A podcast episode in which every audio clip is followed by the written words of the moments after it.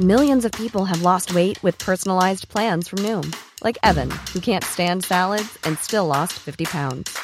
Salads, generally, for most people, are the easy button, right? For me, that wasn't an option. I never really was a salad guy. That's just not who I am. But Noom worked for me. Get your personalized plan today at Noom.com. Real Noom user compensated to provide their story. In four weeks, the typical Noom user can expect to lose one to two pounds per week. Individual results may vary. Mom deserves the best, and there's no better place to shop for Mother's Day than Whole Foods Market. They're your destination for unbeatable savings, from premium gifts to show-stopping flowers and irresistible desserts. Start by saving 33% with Prime on all body care and candles. Then get a 15-stem bunch of tulips for just $9.99 each with Prime. Round out Mom's menu with festive rosé, irresistible berry chantilly cake, and more special treats. Come celebrate Mother's Day at Whole Foods Market. Hey, I'm Ryan Reynolds. At Mint Mobile, we like to do the opposite of what Big Wireless does. They charge you a lot, we charge you a little. So naturally, when they announced they'd be raising their prices due to inflation, we decided to deflate our prices due to not hating you. That's right. We're cutting the price of Mint Unlimited from $30 a month to just $15 a month. Give it a try at mintmobile.com slash switch. $45 upfront for three months plus taxes and fees. Promo rate for new customers for limited time. Unlimited more than 40 gigabytes per month. Slows. Full terms at mintmobile.com. Hei, jeg heter Nore Helligsen og er daglig leder for Barents Outdoor. For oss er det viktig at teltene våre skal vare så lenge at de kan gå i arv. Den viktigste forutsetninga for å klare det, er dem som jobber hos oss, som har konstruert, sydd og reparert telt her på Melhus i over 40 år. Skal du lage et godt telt, er det en fordel å forstå friluftsliv og vite hva som kreves av turboligen. Men det viktigste av alt er kunnskapen om hvordan det må lages for å kunne gjøre den jobben. Da er det solid kunnskap om søm, tekstiler og konstruksjon som gjelder. Da kan vi lage funksjonelle produkter i de beste materialene, som er forsterka på de riktige stedene og tåler langvarig og røff bruk. Samtidig som de er enkle å reparere når skadene oppstår, for ting skjer på tur. I Barents ønsker vi å ta ansvar for produktene lenge etter vi har solgt dem. Derfor er serviceavdelinga selve hjertet i bedriften vår. De som jobber her, har en helt unik erfaring som vi også bruker når vi utvikler nye teltmodeller. Les gjerne mer om både oss og teltene våre på barentsoutdoor.no. Og husk, den første reparasjonen på et Barents-produkt er alltid gratis.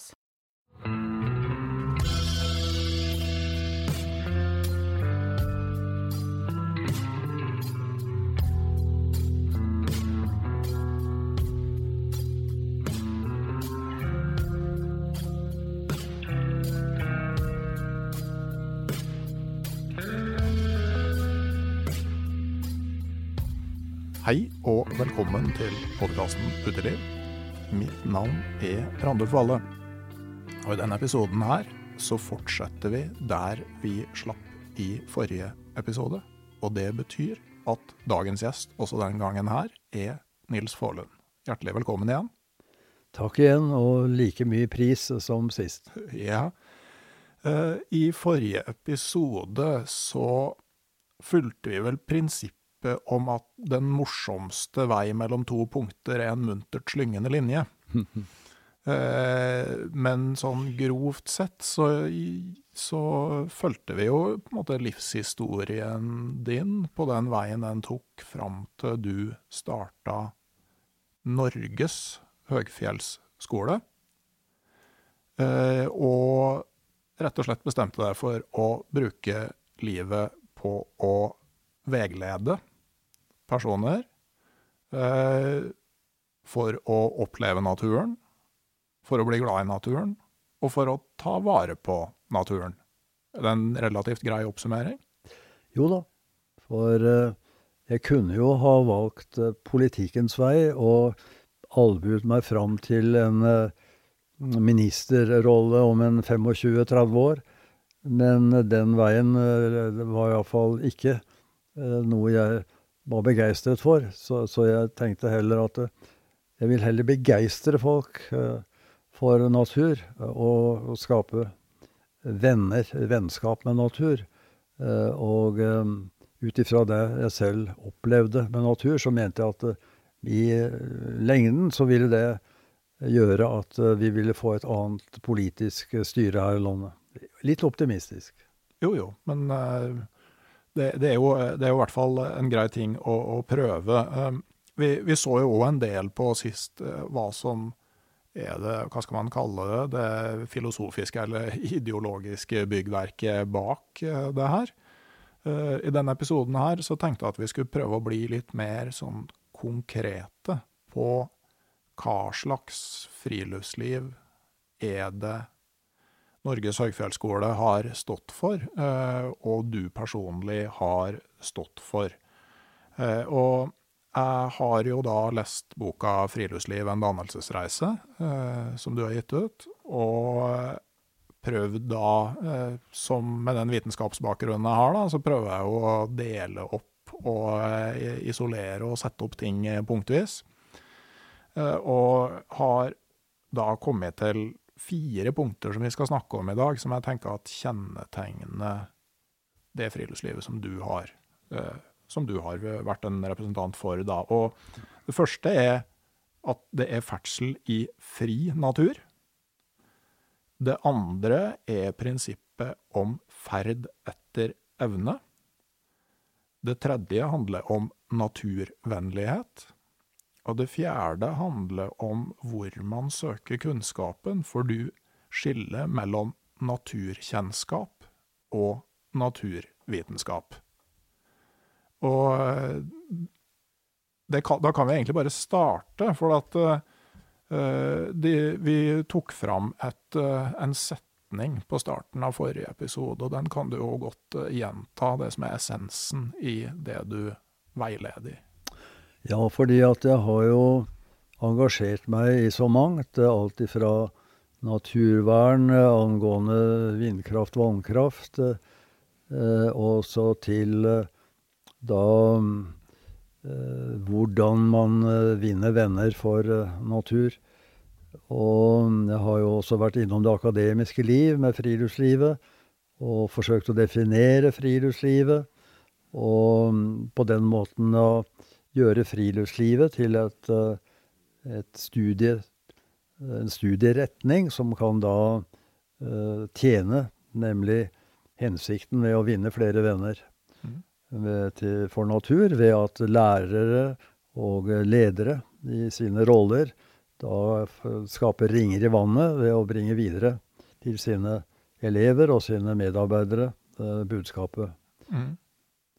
Så Mm. Og da snakka vi konkret om å iscenesette verdidannende læring i møte med livsfaren i fri natur. Nemlig. Eh. Og det med ferdsel i fri natur er jo sånn noe som går igjen i det du, du snakker om, altså at friluftslivet skal foregå i naturen sånn som den er. Den skal ikke tilrettelegges for oss. Uh, jeg oppfatter bl.a. gjennom det at du er kritisk til, til, det du kaller kommersialisering og idrettifisering. Eh, kanskje du kan begynne med å forklare de begrepene? Ja, vi var jo inne på det sist, at uh, jeg um, hadde en uh, egenerfaring for hvordan jeg selv fikk et inderlig forhold til natur, og uh, et vennskapelig forhold til natur. Og at Høyfjellsskolen eh, ble til, i troen på at andre også ville tenne på den måten. Og den gangen, eh, som ligger altså mer enn 50 år tilbake, så var det jo ikke så mye snakk om eh, evolusjonspsykologi. Men derimot så var jeg opptatt av det som kalles for antropologi, eller sosialantropologi, eller hvordan mennesker har levd før oss. Og da skal man ikke så veldig langt tilbake før man eh, kommer til de første sivilisasjonene som eh, bodde i byer. Og eh, hvis vi går 10 000 år omtrent tilbake, så er det den tiden da jordbruket så smått begynner å overta for jakt, eller jeger og jakt, eh, jeger- og samlerkultur. Og så har vi jo spor etter mennesker, da. Ikke bare 10 000 år tilbake, men 100 000 år tilbake. Og forfedre da millioner av år tilbake. Og så visste vi jo den gangen såpass mye om gener at det er ikke gjort en håndvending på 5000 år, eller 10 000 år, og forandre genene slik at vår måte å te oss på blir uh, vesentlig endret. Så, så, dette er en langsom prosess. Og derfor så var jeg opptatt av at skulle jeg vinne venner for natur, så måtte det nettopp skje i den natur som var opprinnelig, som var av samme slaget som den naturen som våre forfedre levde under, og den naturen som formet uh, gene, uh, sto for geneutvalget uh, i, blant våre forfedre. Så, så, fri natur betyr rett og slett en måte å uttrykke hva, nat hva slags natur skal til for at skal, våre gener skal kjenne oss igjen i denne naturen og skal gi oss den gleden som uh, følger med uh, å møte denne naturen. Og i dag så er vi jo atskillig ikke bare klokere, men uh, iallfall vet vi mer om det. Så selv om vi ikke er uh, så i ett og alt begeistret for naturvitenskap, så, så, kan vi jo i dag da forklare hvorfor vi lever den dag i dag. Eh, fordi at eh, våre forfedre hadde lyst til å lære. De hadde glede av å lære, de, de var, eh, de, de, var nysgjerrige. For vi hadde jo ikke noen obligatorisk skole for 100 000 år siden, eller en million år siden. Så, og det var jo lite biblioteker å oppsøke. Så på et eller annet vis så måtte jo da vår Eh, da vilje til å lære måtte stimuleres eh, på en, på en eh, effektiv måte. Og i dag vet vi at det kalles for dopamin. Slik at når vi da lar vår nysgjerrighet slippe løs i, i en natur som da er av det slaget som genene våre har blitt utformet i, ja, så, så så flyter adrenalinen, og det er sterke saker. Så hvis uh, uh, dere som hører på nå, ikke uh, forbinder så mye med adrenalin, så, så, har dere kanskje vært forelsket noen gang. Og da har dere merket hvordan adrenalinen kan, kan begeistre og henføre dere, og gjøre det kanskje lite grann øh, øh, Bli satt litt ut eh, av evne til å tenke klart. Eh, så, så dette er veldig sterk kost. Og så det som jeg da ikke kunne hadde så fast grunn under føttene for å, for å sette i gang da i 67, det har i dag vist seg, ikke bare i praksis, i min erfaring, men også i vitenskapelig sett, så, så er altså det den mest effektive måten å, å vinne venner for natur, og for den, på den måten endre eh, natur, vår levemåte til en naturvennlig levemåte, nemlig å åpne for den, dette møtet. Mm.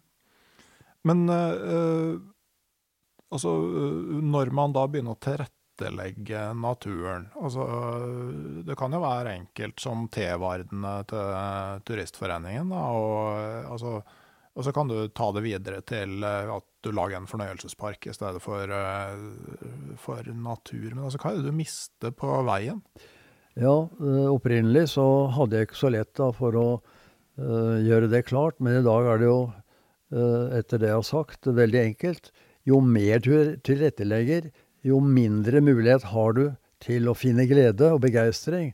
Uh, fordi det er så lite som er igjen av det som gjør at eh, adrenalin Nei, unnskyld, eh, slett ikke.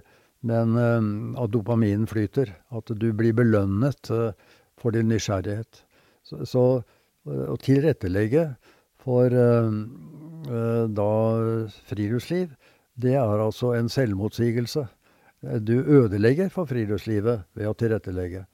Og vardene, de kan jo for så vidt være en slags rituell uh, ha en slags rituell funksjon. Men det beste er jo å finne veien selv. Og da tenker jeg på at du ikke trenger annet enn et kompass. eh, hvis det blir eh, mørkt, eller hvis du har, eh, er i tåkeheimen, og eh, gjerne et, eh, et kart. Mm. Men jeg tenker ikke på GPS, fordi da er du i grunnen ikke til stede i din orientering.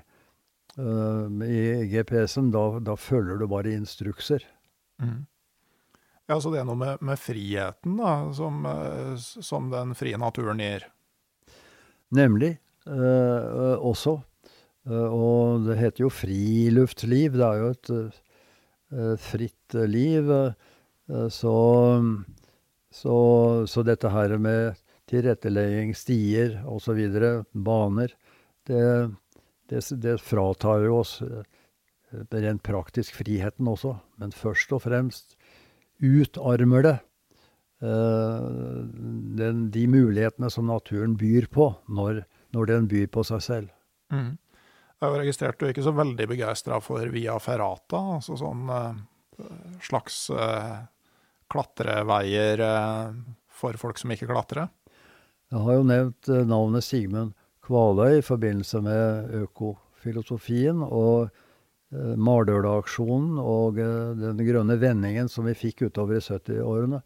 Og Sigmund kalte den slags for tivolieffekt. Mm.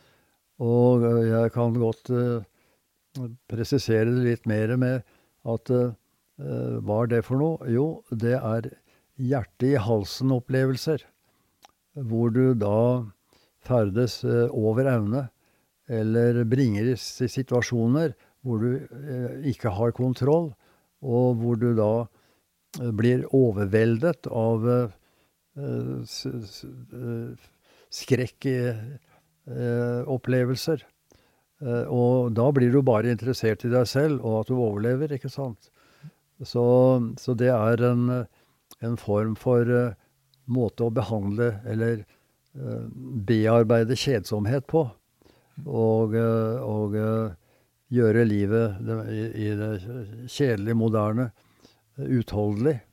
Men ulempen med den typen opplevelser er at de har, er ikke av varig, varig verdi. Fordi de nettopp mangler den, den overføringsverdien som eh, vårt møte med fri natur har. Så, så det er altså en effektiv måte å, å, fra, å utarme eh, naturmøtegleden og, og den eh, varige verdien eh, dette møtet har, i form av gode minner. Mm. Men jeg tenker også sånn via ferrata er jo på en måte en eh, slags sånn illusjon av klatring hvor du tror du er i livsfaren, som du jo i forrige episode så snakka du om tilstedeværelsen som klatring gir, fordi du, du ser ned og vet at uh, her må du være fullstendig fokusert, for hvis ikke så er du i livsfare. Uh, og det er jo den følelsen folk får på en via ferrata òg, vil jeg tro. Nei. Eh, Og dette her har blitt aktualisert her på Østlandet i, eh, i løpet av det siste år eller to. For da ble det snakk om at det skulle bli en via ferrata på Andersnatten. Det er jo ikke noe høyt uh, fjell, men det er et veldig ruvende fjell. Og en, eh, en, en, en steinstøtte som reiser seg over en bølgende granskog i, i Sigdal. Og eh, de som da eh, har tatt dette initiativet, de mener at de kan eh, lage en pengemaskin. Der står jo denne Andersnatten eh, og er vakker å se til, og har blitt beundret eh, av folk og store kunstnere i, i lange tider. Og representerer en både naturarv og kulturarv, men den er jo helt unyttig. Og vi var jo inne på det forrige omgang også, at man gjerne kaller sånt for stygge fjell, fordi at de, de er unyttige. De kan ikke, der kan man ikke dyrke noe. Eh, Og farlig er det også hvis man kommer for nær innpå.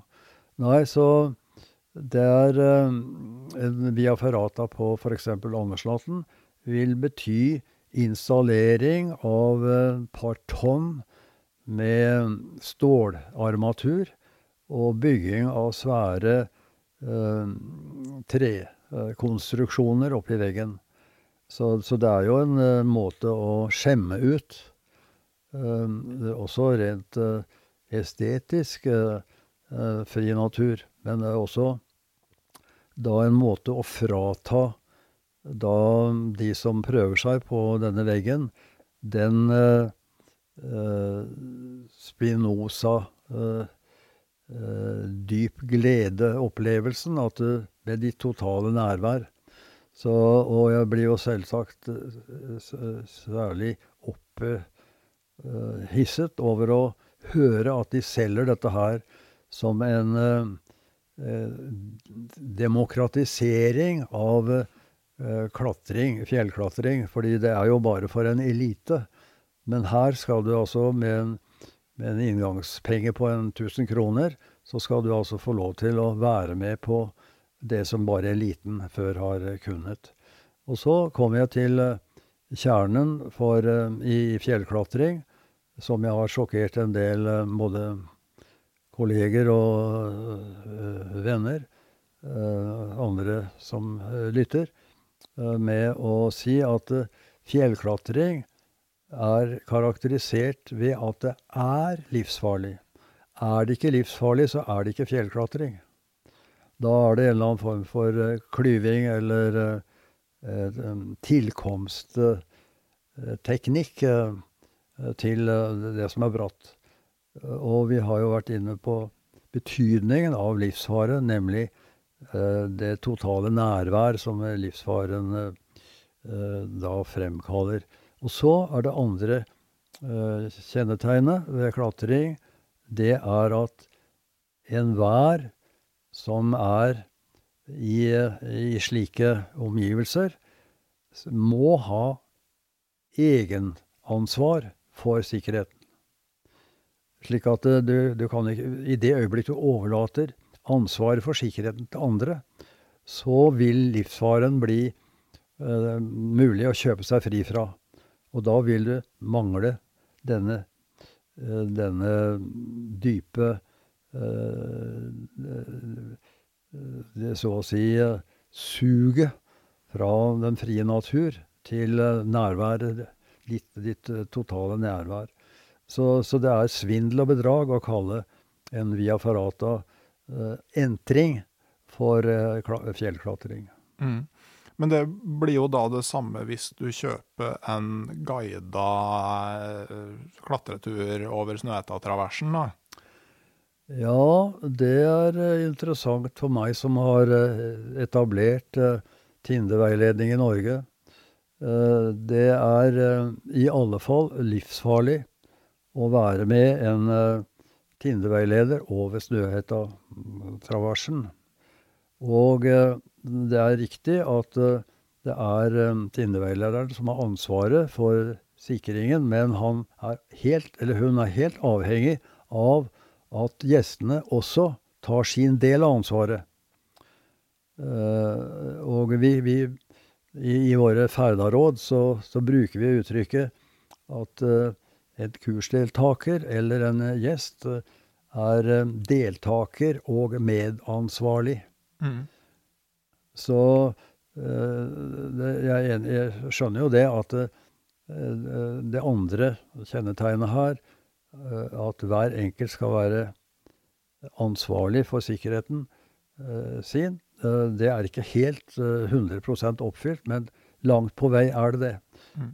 og ikke minst på en sånn travers som på Snøhetta, hvor ikke all klatring er like krevende, og hvor du ikke sikrer i taulag, men du går med det vi kaller for korttaumetode.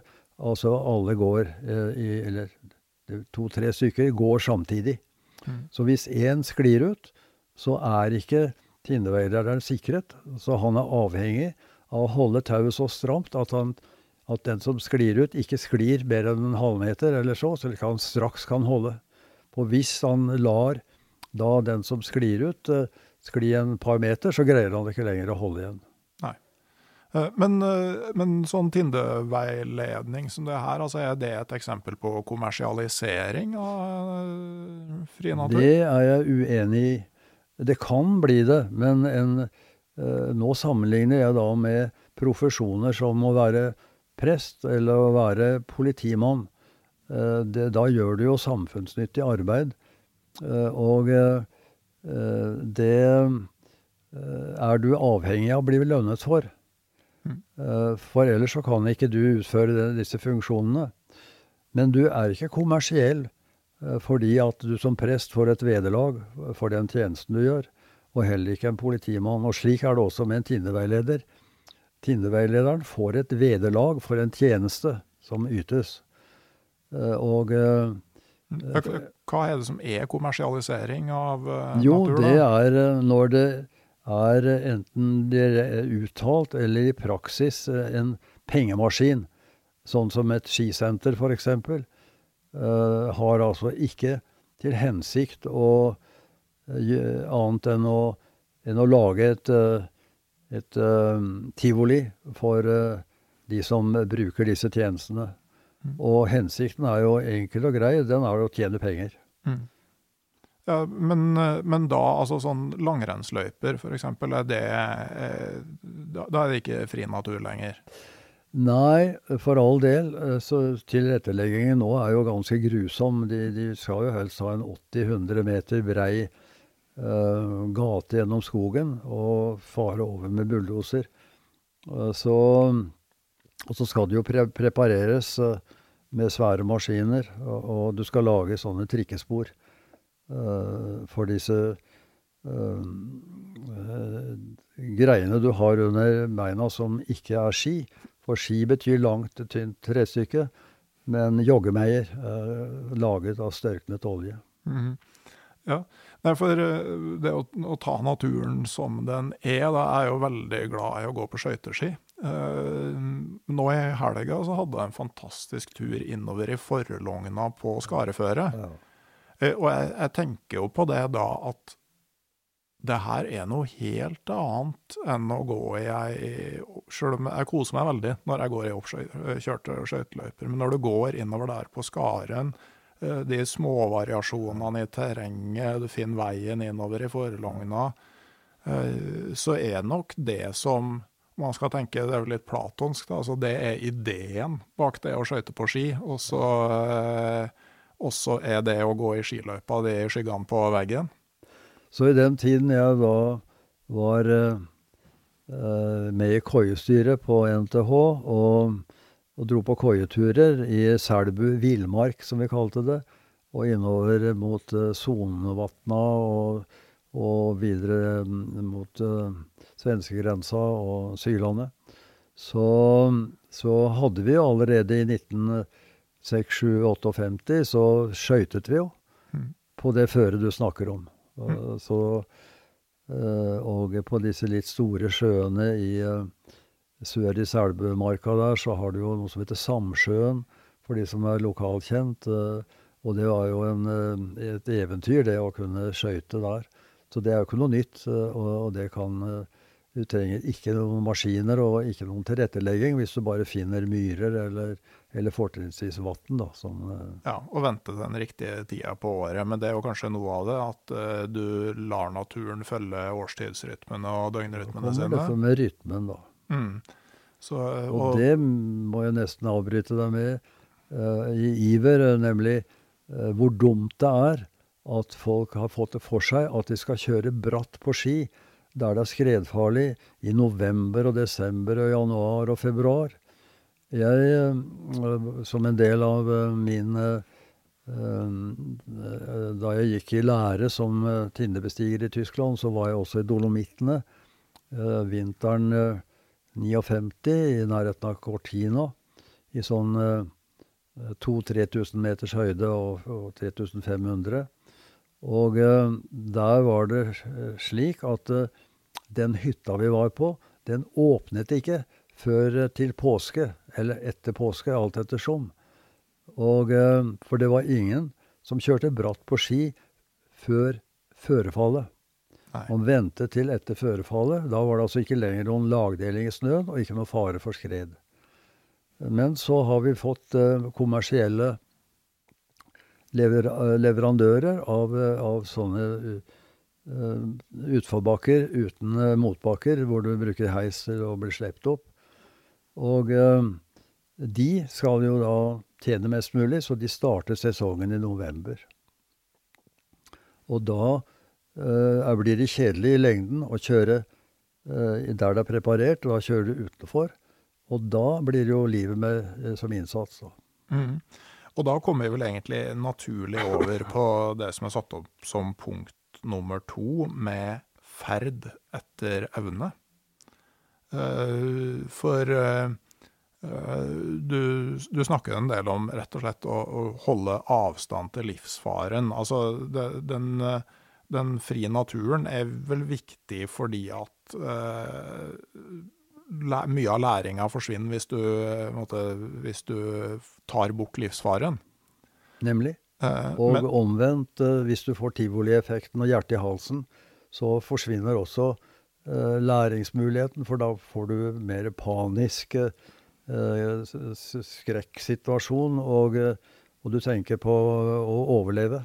Mm. Så kunsten er jo da eh, i, å møte livsfaren på den måten at du får det totale nærværet i, i gave, så å si, av livsfaren, men at du ikke går over streken og utsetter deg for livsfaren.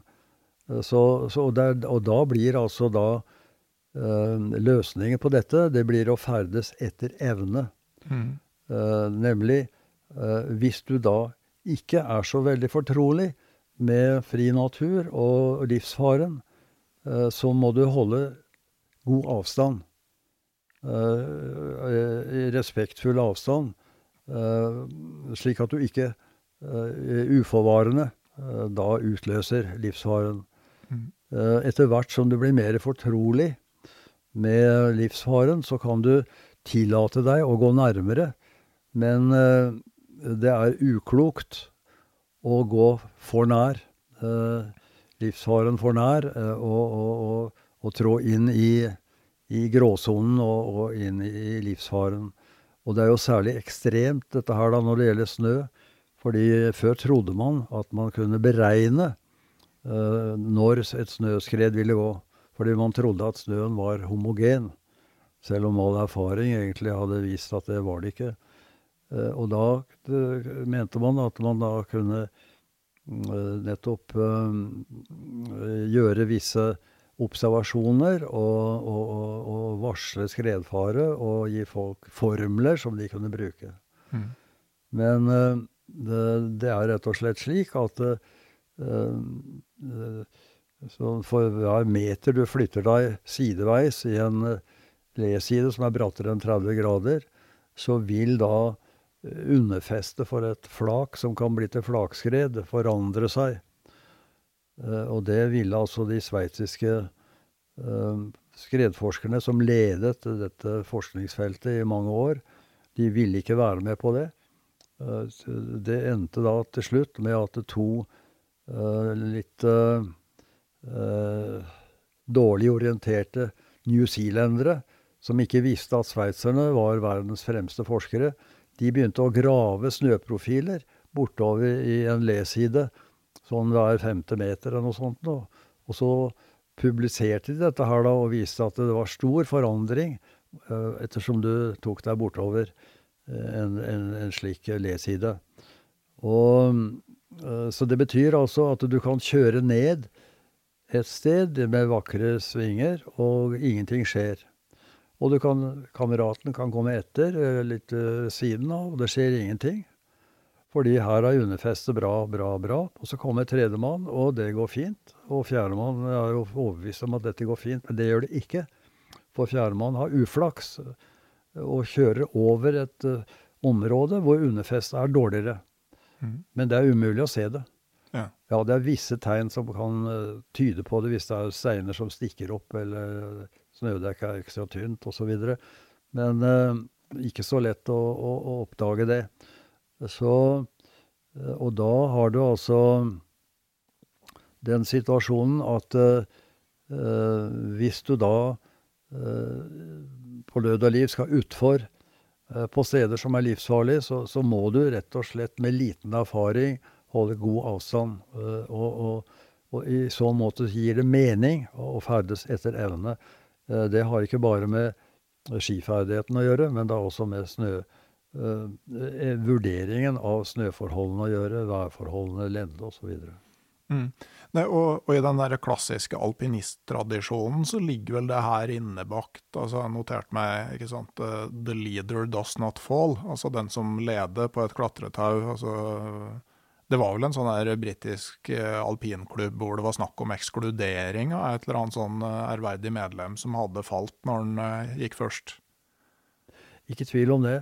Fordi disse som startet Alpine Club i 1857 Eh, de var, tilhørte jo den engelske eliten i borgerklassen, eh, og eh, først og fremst. Og de var jo gentlemen. Så da de ble anklaget for å sette livet på spill, til ingen nytte, så forsvarte de seg med at 'the leader does not fall'. Mm. Det var jo kanskje litt, litt feigt, for uh, hvis du ser på kirkegården f.eks. i Samat, eh, hvor de var mye i gamle dager, så ser du mange engelske navn der. Eh, men det var nå et slags sånn nærforsvar de brukte. Mens i Alpene så hadde de en, en den innstillingen som jeg forklarte, at du ventet med å kjøre bratt til det ikke lenger var skredfarlig. Mm. Eh, men var det da en slags internjustis på det da? Altså, hva skjedde hvis du gikk utafor den eh, kodeksen? Nei, vel, altså engelskmennene, de eh, De hadde jo en denne dannelsesinnstillingen. Det var ikke så viktig å komme på, på topper av fjell eller på, på å gå særlig utpreget krevende ruter. Så det finnes jo en anekdote fra Zermatt, uh, som jo var et eh, sted de likte å, å dra i, eh, på, på, som ja, midt i forrige nei, 18, På 1800-tallet. Så kommer altså da et par kamerater utpå ettermiddagen tilbake etter de tydeligvis har vært til fjells, mens de andre de har holdt seg på hotellet og er kanskje i gang med litt eh, champagne eh, på tidlig ettermiddag. Og så spør den, en av disse karene med champagne da Where have you been today? Og så svarer da en for disse som har vært til fjells Oh, we had an interesting trip in the hills. Så vi hadde altså en interessant tur i åsen. Ehm, så, så veldig eh, neddempet og beskjeden språkbruk. Og eh, så kunne vi kanskje ha vært ganske på utsatte steder, men det var altså en, et, en interessant tur i åsen, så det kom jo ikke på tale å skryte at, at man hadde utsatt seg for fare. Nei, og, og det må man jo kunne si at har forandra seg. For det i en del sånn uh, framstillinger eh, Ja, ja, det, altså, det forandra seg jo på en måte allerede med Robert Scott, som, uh, hvor faren er liksom det styrende i seg sjøl. Men nå videre så er det jo Hvis du skal få oppmerksomhet rundt en ekspedisjon, så må det jo ha vært farlig. Ja, men uh, vi har også drøftet dette her, vi, om uh, hvordan topper over 8000 meter var gjenstand for Eh, nasjonenes landslag.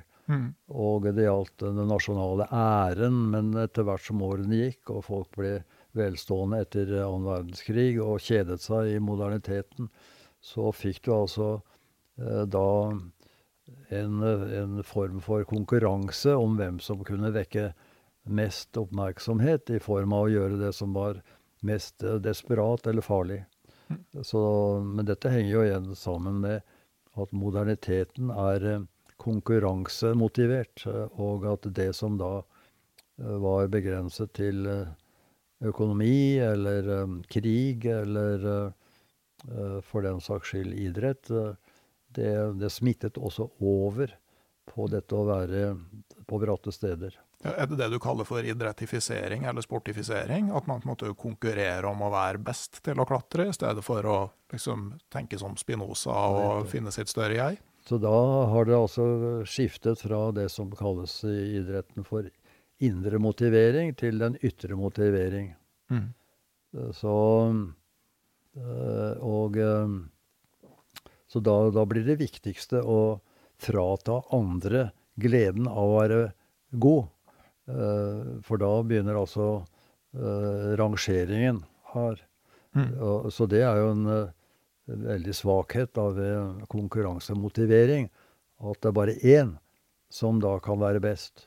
Mm. Og vi har jo hørt at sølv er nederlag i idretten, og så, så den Og vi har jo en norsk utøver i, i skiskyting som har fortalt oss, da han var på høyden, Bjørndalen, at han Det som motiverte han for å trene og bli best, det var ikke å bli best.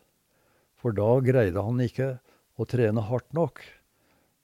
Skulle han bli best, så måtte han da da ikke sammenligne seg med de andre, men sammenligne seg med det beste han drømte om å få til.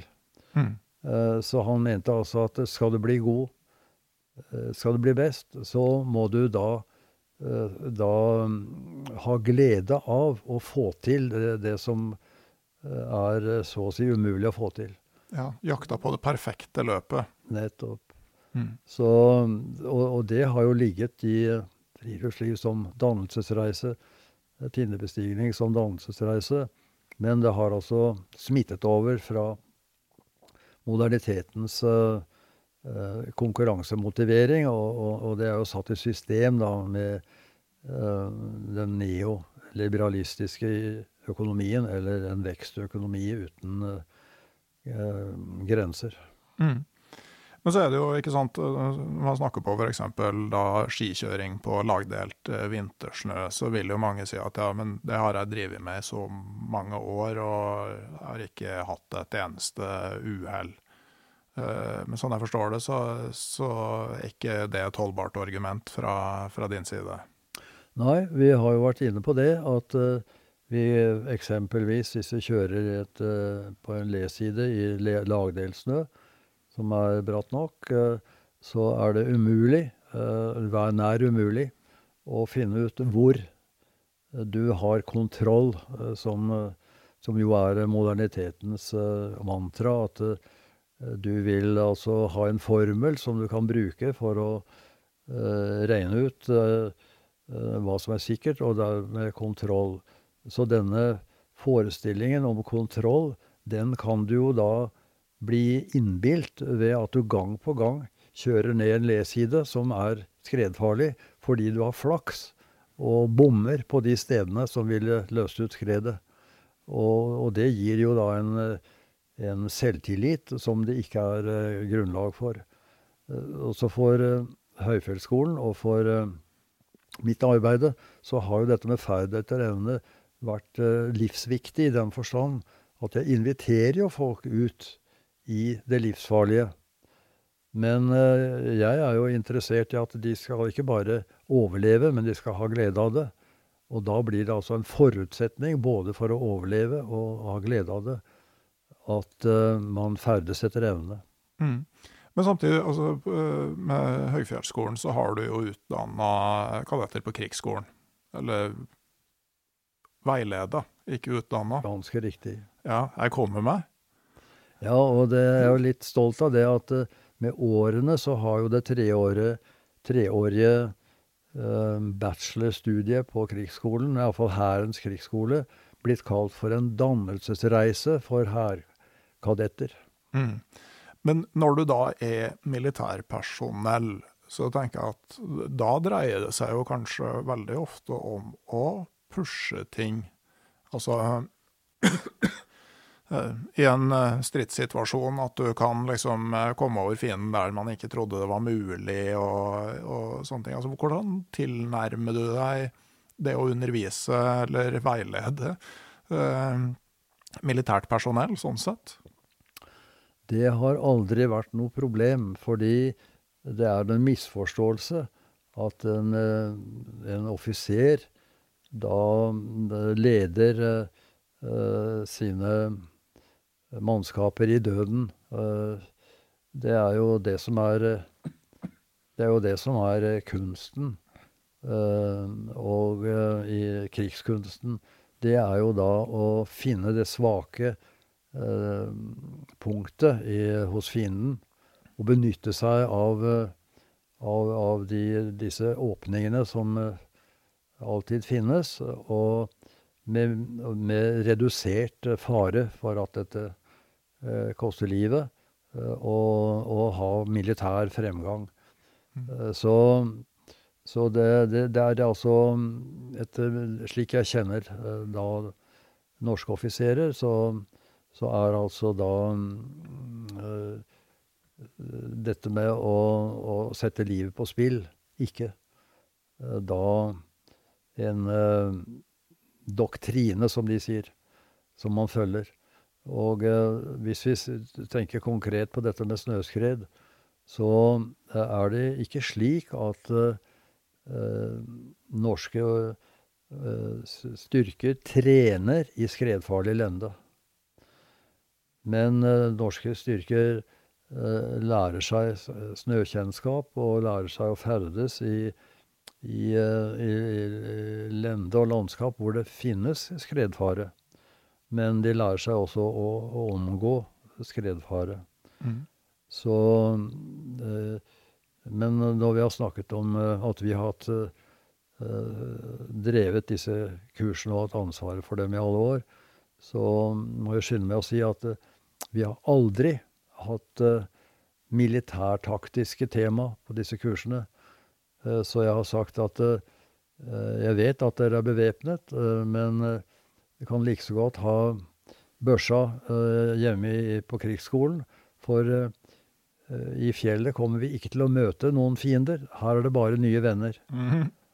og det har vært akseptert og, og forstått. Og så hvis det Hvis vi skal snakke om norske avdelinger som, som da går helt kliss opp til grensen for det livsfarlige militært, så er det vel det vi kaller for spesialsoldater.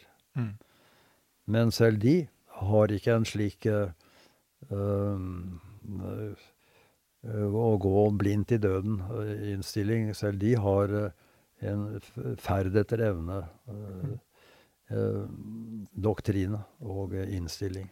Men hvordan bare digresjon, altså det på den ene sida med Arne Næss og Gandhi og den filosofien, og på den andre sida eh, veilede kadetter fra krigsskolen. Altså, hva slags tanker gjorde du deg rundt det?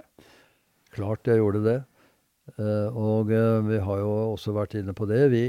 At eh, vi altså ikke eh, i eh, blant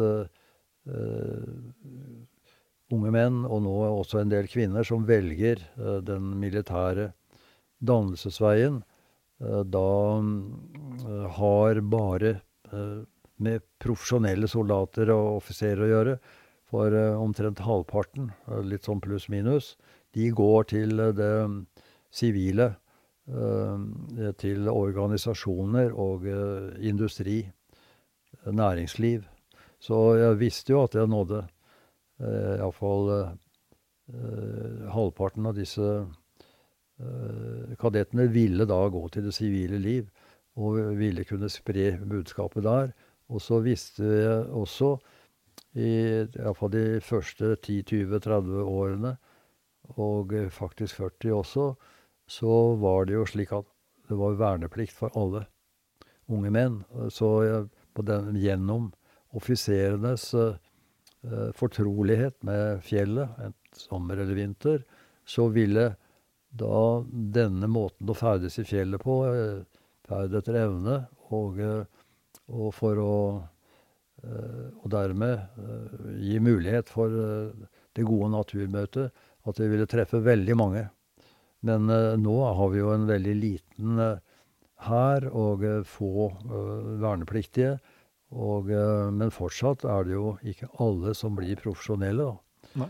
Så, så, Men eh, du må også huske på det at Gandhi, han var altså en eh, Ikke bare talsmann for ikke-vold, men han praktiserte også ikke vold. Men han sa også at det er ikke nok bare å skrike til folk og hytte med neven og, og, og, og prøve å overtale dem til og, på den andre siden av fronten Du må søke nærkontakt med de som tenker annerledes, slik at du kan påvirke dem. Mm. Så jeg har i høyeste grad tenkt i, i, i Gandhis uh, forstand at uh, ved å samhandle, for å si det litt flott, uh, med militære ledere, så går det an å påvirke dem til å bli naturvennlig. Og til å mm, ferdes etter evne. Og, og, jeg får vel si at det har lykkes på mange måter. Så vi har jo ikke så mange eksempler på at norske offiserer har, har trådd over streken. Det skjedde jo i Vassdalen, og det var en forferdelig historie i 86. Men til det må jeg si at ingen av de som var ansvarlig for den tragedien, hadde fått noen slik kursvirksomhet som vi drev med. For de var, de var såpass høyt i gradene at de var så gamle at de ikke hadde fått med seg denne Eh, kvalifiseringen som vi har gitt dem. Mm. Eh, jeg registrerer òg at du, eh, du, forholder deg til færaråd i stedet for fjellregler. Til de grader. Ja. Hva er bakgrunnen for det? Ja, Da er vi igjen tilbake til hva slags tankemønster som har brakt oss ut i den elendigheten vi nå er inne i. Eh, nemlig den naturvitenskapelige tenkemåten som fratar naturen dens egenverdi, og ser på naturen som et maskineri som vi da kan eh, kontrollere og utbytte og utnytte. Uh, og, og, det er jo da et, en tenkemåte som er basert på regler. Det er en regeltenkemåte. Uh, og for, det som da er ulempen med Fordelen ja, først da kanskje med regler er at de er lettvinte å ha med å gjøre, og ofte kan du da komme fram til effektive fremgangsmåter og løsninger. Men uh, det er uh, i komplekse situasjoner, sånn som snø og snøskred, eller vær og værmelding, så er altså reglene bare tilnærmet beskrivelse av virkeligheten. Så dermed så blir altså reglene utilstrekkelig i komplekse situasjoner. Så av og til så skjer det ting som er utenfor rekkevidden av reglene. Og da går det galt. Mm. Uh, og derfor er regler farlige, livsfarlige. Uh, for du vet ikke når du er utenfor rekkevidden, og når det kan gå galt. Så derfor er det en, eh, en effektiv måte å tenke på. Men den re representerer altså en udetonert bombe når det gjelder at ting kan gå galt. Så derfor så er eh, vårt alternativ mønstergjenkjennende tenkning. Og mønstergjenkjennende tenkning, det, det, kan du ikke lære abstrakt eller av bøker. Det må du lære i ditt praktiske møte med virkeligheten, med natur, med den frie natur. Mm. Og du, det må du lære etter evne. Du starter med det nære og kjente, og går mot det fjerne og ukjente. Og eh, på den måten så vil du altså da få større frihet etter hvert som du da blir mer fortrolig med natur. Mm. Så et sånn færaråd, altså hvordan ja, eh, foregår det? Så eh, det som henger sammen med regeltenkning uh, Og vi må så vidt streife innom de ni fjellregler. De grunnen til at det gikk så galt påsken 1967, hvor 16 nordmenn mistet livet, var at vi hadde fjellregler. Og vi hadde hatt fjellregler siden begynnelsen av 50-tallet. Men allikevel så gikk det forferdelig galt. Eh, og eh, det betydde at vi i Norge startet en dugnad i, i 67 for uh, å forebygge uh, flere skader i fjellet og ulykker. Og da forsøkte jeg da å få gjennomslag fordi at jeg ble valgt som sekretær for det utvalget som DNT og Røde Kors opprettet den gangen. For jeg var jo den eneste profesjonelle i dette feltet i Norge den gangen. Men jeg fikk ikke gjennomslag for ferd etter evne. Men uh, vi fikk et annet slagord. Velkommen til fjells, men ta ansvaret selv. Mm. Og det betyr jo i grunnen det samme. Mm. Og uh, Så det er da en linje som vi har uh, arbeidet på utover. Men så har da disse fjellreglene kommet igjen og kommet igjen og kommet igjen. For det er så kjekt for mediene å, å være litt sosiale til påske, og så smelle opp disse reglene, og så har de jo gjort jobben sin. Men uh, du har altså disse begrensningene, da. Så derfor så øh, og, og, og, vi kan også si at til denne regeltenkningen så ligger altså kontrolltenkningen, og kontrolltenkningen er basert på planlegging. Og hva sa Dwight D. Eisenhower, som ledet invasjonen i eh, Normandie med 700 000-800 000 soldater og offiserer? Han sa 'Plans are nothing. Planning is everything'.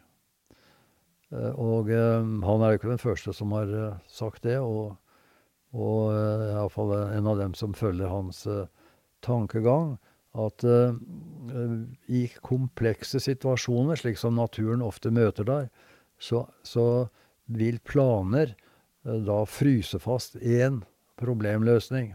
Men jeg lærte jo da krigsskolens uh, sjef Huitfeldt i 1967, da vi fikk det første oppdraget, at den type tenkning er historie i den norske hær. Vi tenker eh, situasjonsorientert. Så situasjonen bestemmer hvilken lederstil eh, du velger, og hvilke løsninger eh, du da eh, velger. Altså trenger vi ikke eh, planer, men vi trenger planning. Eh, vi trenger altså å gjennomtenke oppdraget. Hva, hva vil vi drive det til på denne i morgen, eller eh, i, i, den kommende uka, eller uh, på vår ferd. Uh, hvor har vi tenkt det skal foregå? Uh, når starter vi? Når, hvor, hvilken varighet har det?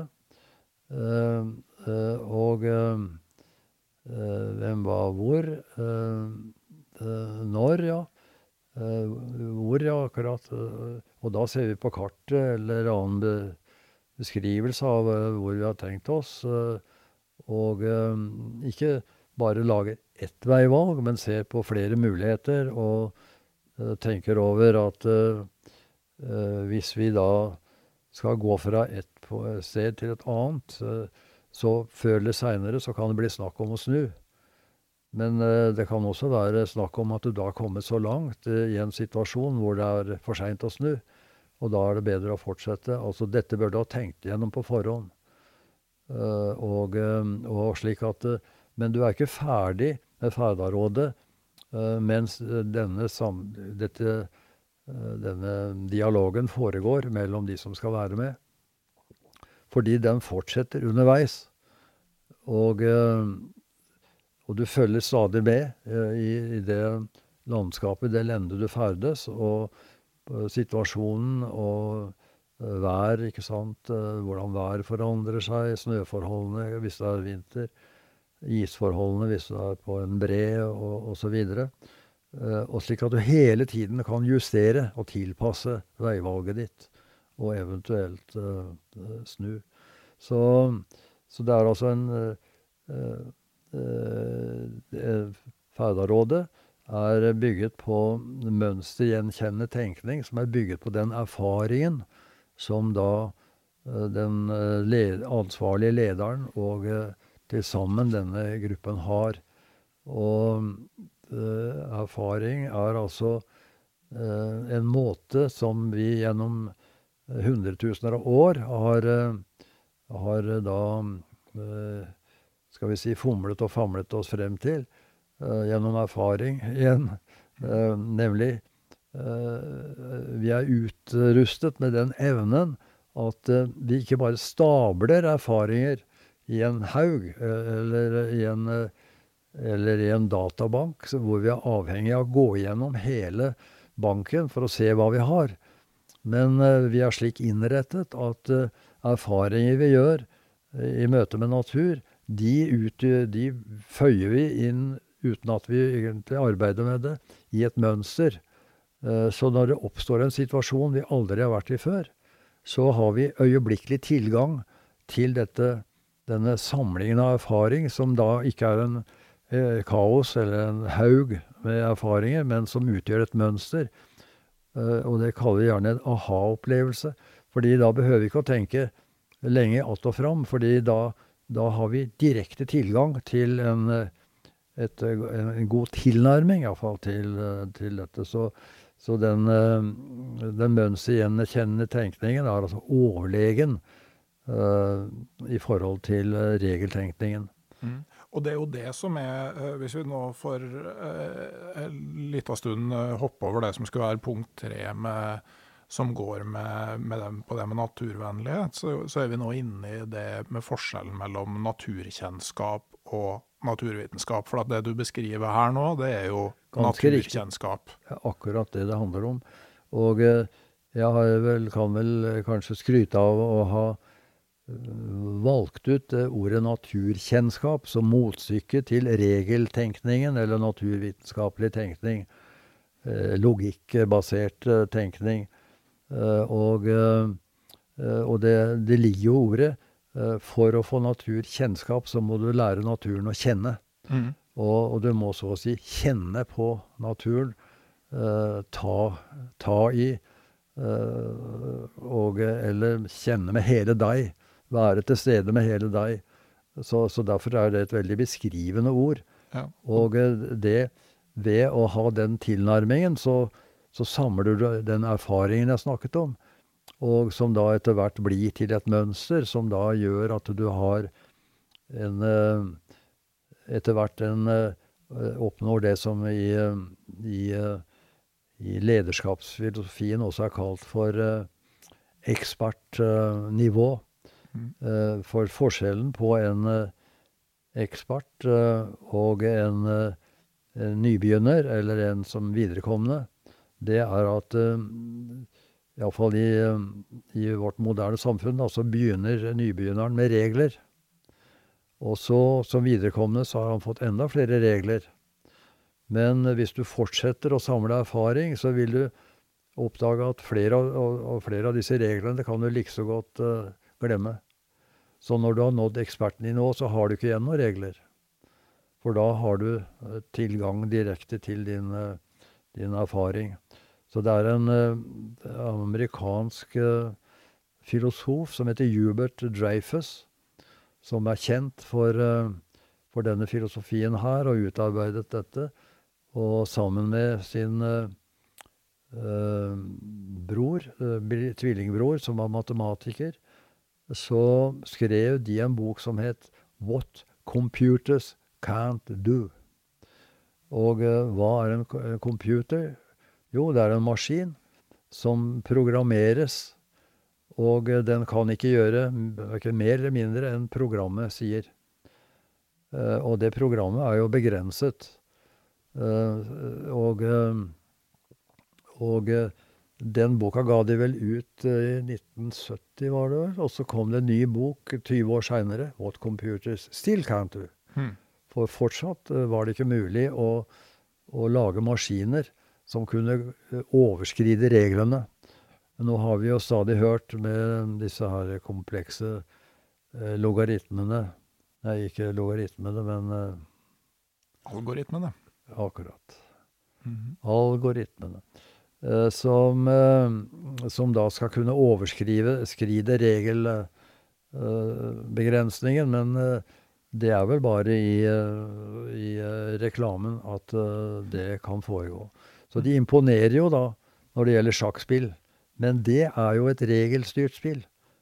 Så, så det er, og det er jo slik at når da maskinen spiller eh, sjakk, så regner den gjennom alle mulige kombinasjoner som kan oppstå hvis du gjør det trekket og det trekket.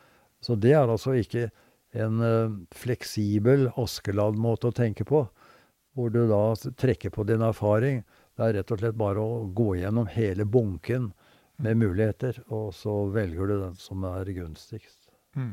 Men jeg tenker det er jo lett å se sånn på sånn friluftsaktiviteter. Altså for når du snakker om sånn mønstergjenkjennelse, så er jo det sånn Som du sier, kunnskap det er ikke så lett å altså Du kan ikke nødvendigvis si hva det er du gjør, og du kan ikke bryte det ned og for, forklare det. Altså jeg tenker på f.eks. fjellrypejakt. da.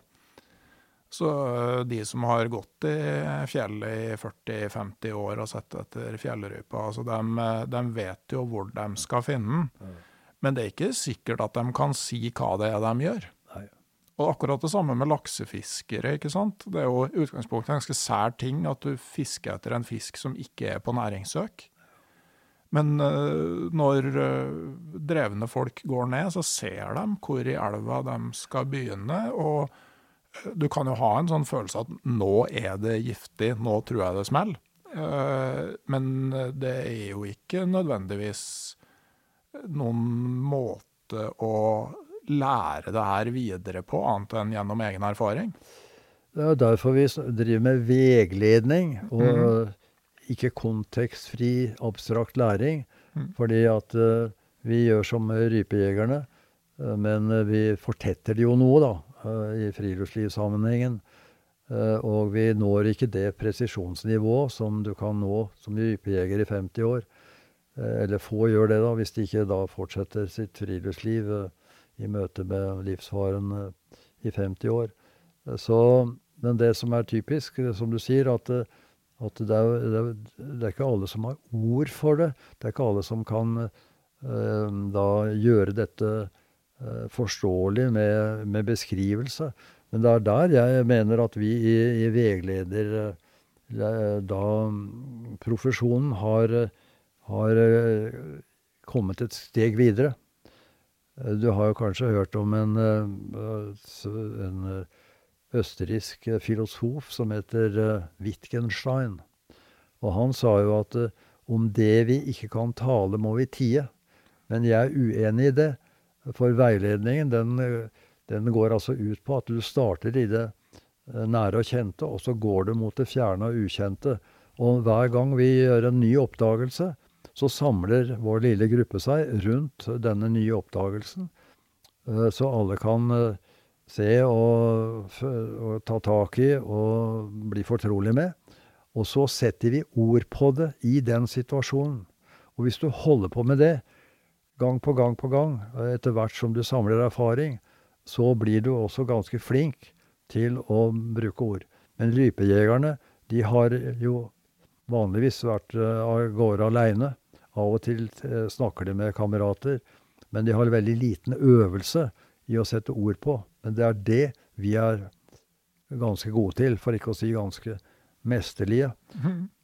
Og det er, det er også en annen filosofisk retning her omkring uh, å forstå hvordan virkeligheten er. Og det kalles for silent Heter det ikke silent? På engelsk Nei, på norsk taus kunnskap. Nemlig den erfaringen som du ikke setter, kan sette navn på. Men jeg mener at det kan vi overskride hvis vi aktivt i vår scenesetting av verdidannende læring da føyer inn og setter ord på i situasjonen. Mm. Så, så det, det, er for så vidt en mangel ved, ved mye læring, da, at, eh, som er erfaringsbasert. At de ikke er uh, opptatt nok av uh, å sette ord på. Mm. Uh, og så må jeg jo innrømme at jeg da jeg er jo en tilhenger av å bruke naturvitenskapen eh, til mye. Eh, for eh, altså Det vi opplever når vi er ute på tur, det er jo styrt av, eh, av fysiologi og av eh, fysikk og, og kjemi og som et redskap for å forstå hva som skjer med oss. Altså sånn Banalt eksempel, altså hvorfor er det kaldt å være våt? Det er jo flatt. det er ikke kaldt å være våt, det er kaldt å tørke. Uh, det er en, en, grei ting å vite. Men jeg er òg enig i at du kommer til situasjoner som er så komplekse at naturvitenskapen kommer til kort. Og det ser du jo, for det er jo ikke bare i friluftslivet. Jeg kom på, et, når jeg satt og tenkte på det her nå før, før det opptaket her, eh, da jeg drev og tok doktorgrad i aluminiumsmetallurgi, og da hadde professoren et tikaffe uh, i kantina. Den kantina lå rett på andre sida av gangen for kontoret mitt, og stekte noen vafler som lukta usannsynlig godt. Det var dårlig for eh, arbeidsviljen på tidlig formiddag.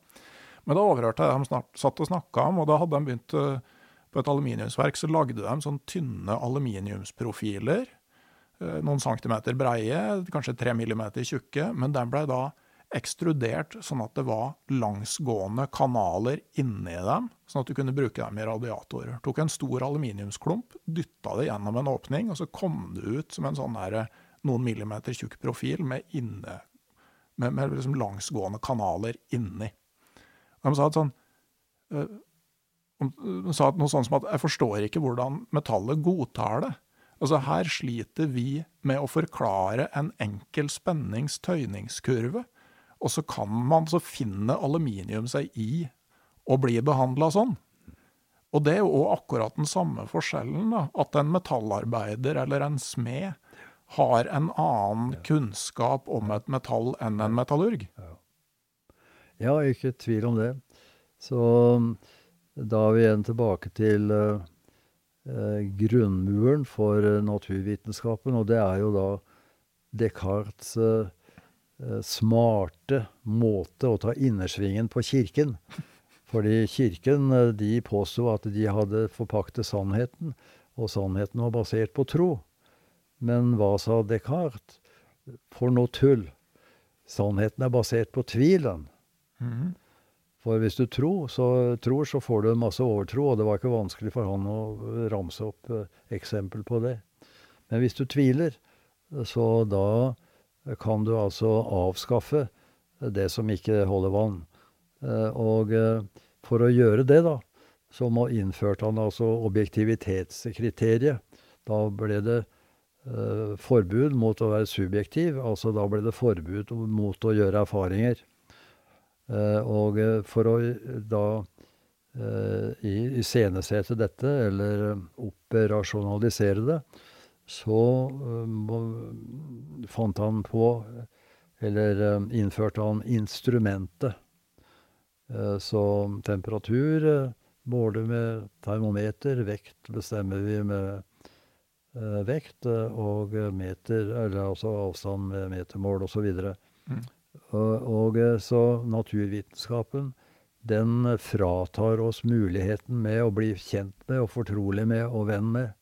Mm. Eh, og derfor er det så farlig, ikke bare at uh, den forenkler og utsetter oss for uh, da tikkende bomber når vi er utenfor rekkevidde av um, reglene, men, men den fratar oss også muligheten for å utvikle vennskap med natur.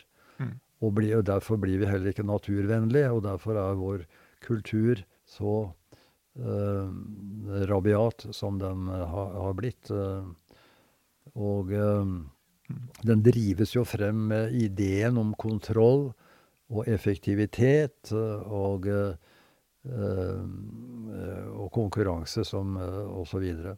Men jeg tenker jo at av og til så prøver vi jo Eh, naturkjennskapen å være naturvitenskap. Og det tenker jeg, det er jeg òg skeptisk til. Altså, For når, når, en Jeg kan ta laksefiske igjen ikke sant, som eh, sånn banalt eksempel. Da, men jeg hører veldig gjerne på lokale laksefiskere som forteller om hva de opplever. Ja. Men idet de begynner å forklare om hvorfor det her skjer, da tenker jeg mitt. altså F.eks. når de forklarer hvorfor laksen tar en sånn flue på denne tida av sesongen. Så tenker jeg at ok, det, det, du sier her nå, det kan du bare vite dersom du ikke bare observerer laksen i den tarflua, men du må også vite hva han tenker i gjerningsøyeblikket. Og, og, så jeg syns jo du sier det ganske bra når altså ta naturkjennskapen i bruk der naturvitenskapen svikter, men også omvendt.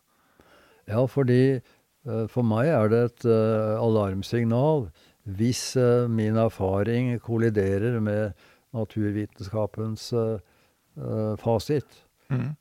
det er ikke bra. Men for da må jeg gå til bunns og se hva kommer det av at, at utfallet blir forskjellig. og, så det er jo en måte som en alltid det må, Dette vil jo i visse kretser kalles for kildekritikk. ikke sant? Du må drive kildekritikk av din eh, naturkjennskap. Ja. Men, men, jeg er altså generelt da avvisende overfor en tenkemåte som forbyr deg å bli fortrolig med natur. Mm. Og underkjenner subjektiviteten. Men nå har jo heldigvis eh, Einstein med på laget. da. Ja, så det. For han sier jo det at uh, til naturens hemmeligheter kommer du ikke med logikk. Dit kommer du bare med den erfaring som du gjør med innlevelse og tolker med intuisjon. Det er ikke måte på. Han nøyer seg ikke bare med å snakke om erfaring. Han sier at du skal være med med hele deg, ikke sant, i denne erfaringen. Eh, du skal leve deg inn i, i den situasjonen du samler erfaring i. Og når det er gjort, så skal du ikke bare uh, slå deg til ro med det, slik som laksefiskeren kanskje, og, og rypejegeren, eller gypefangeren. Nei, da skal du bruke intuisjon.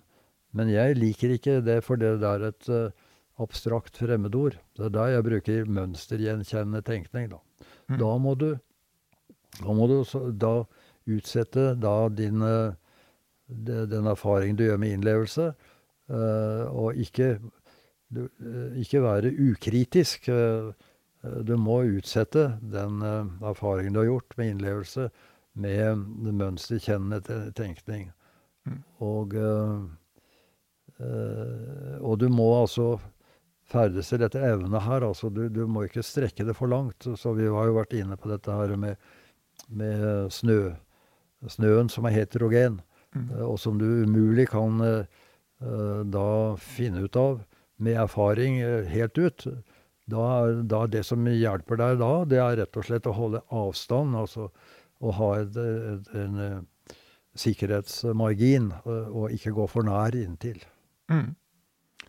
Jepp. Da tenker jeg vi kan uh, gå over på det punktet med naturvennlighet. For at det er jo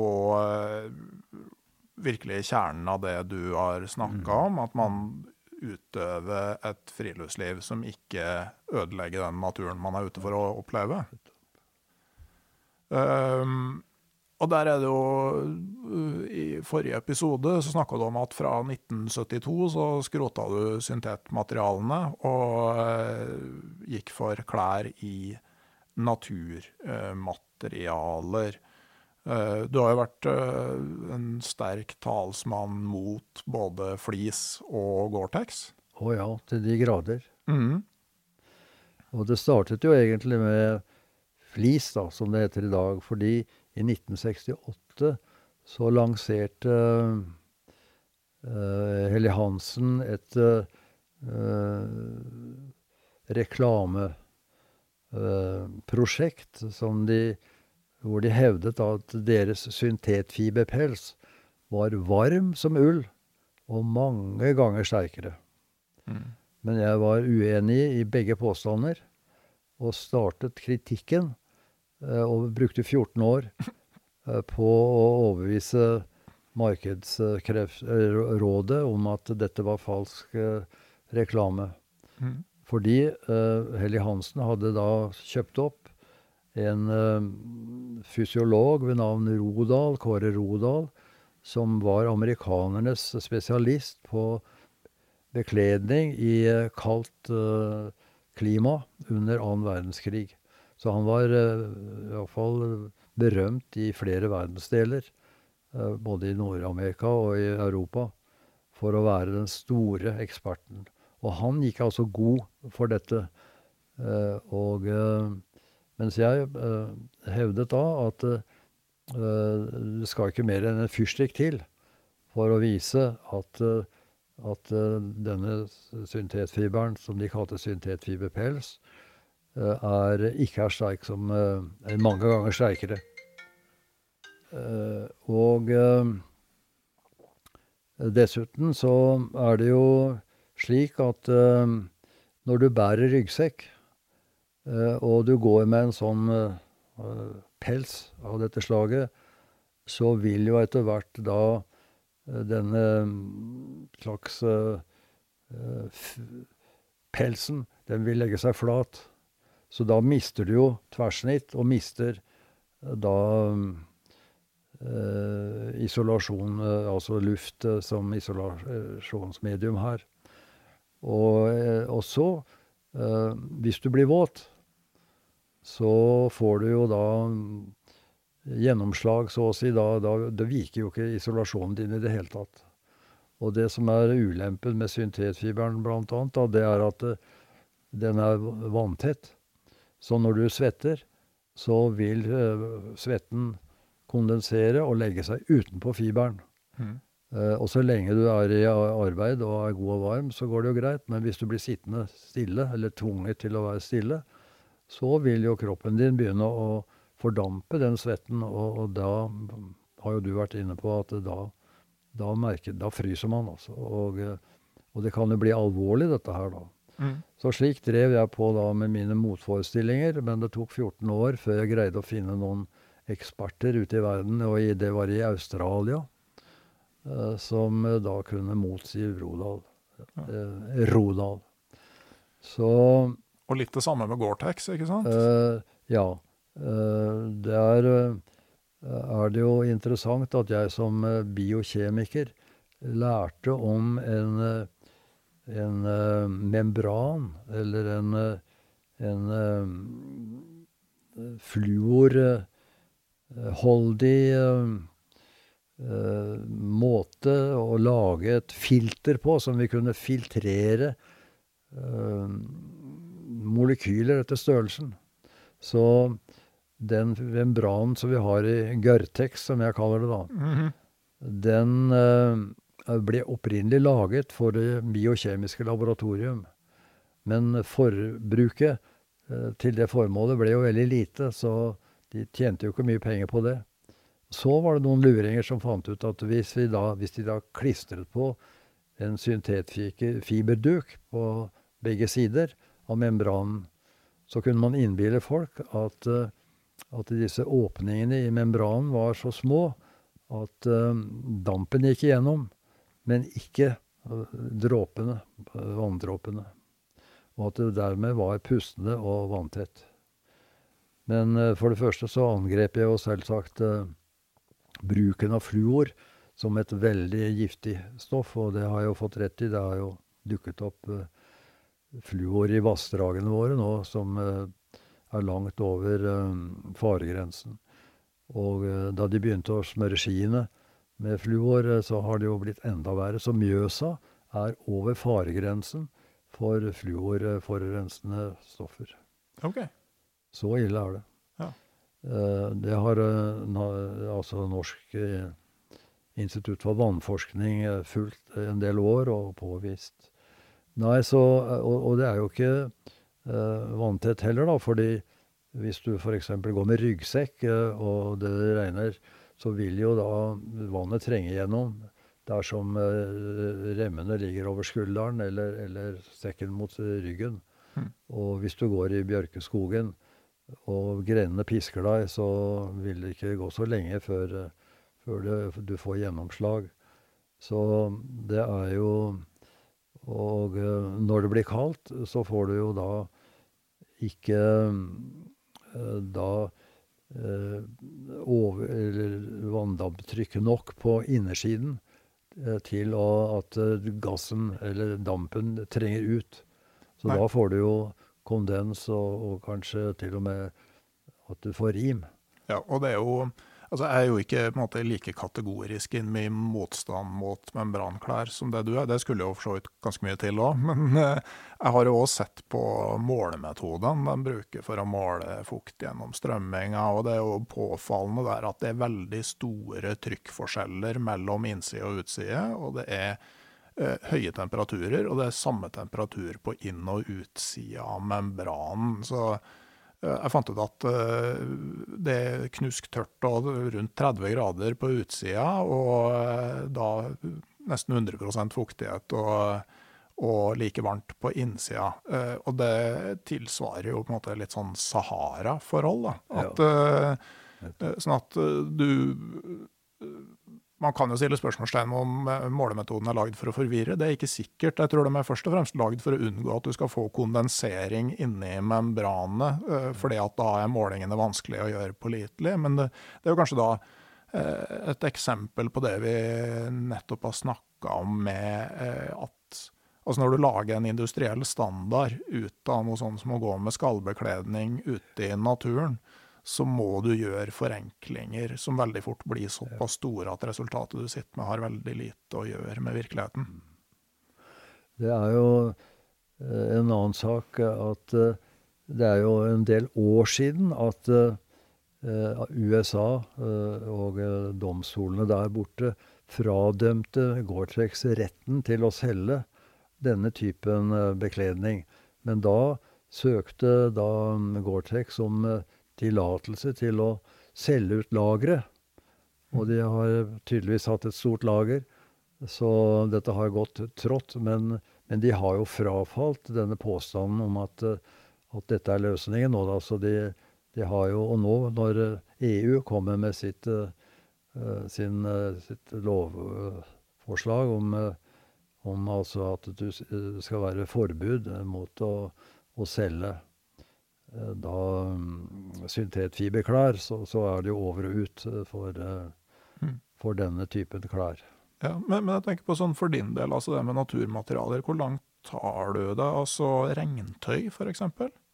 Jeg har brukt eh, eh, engelsk eh, eh,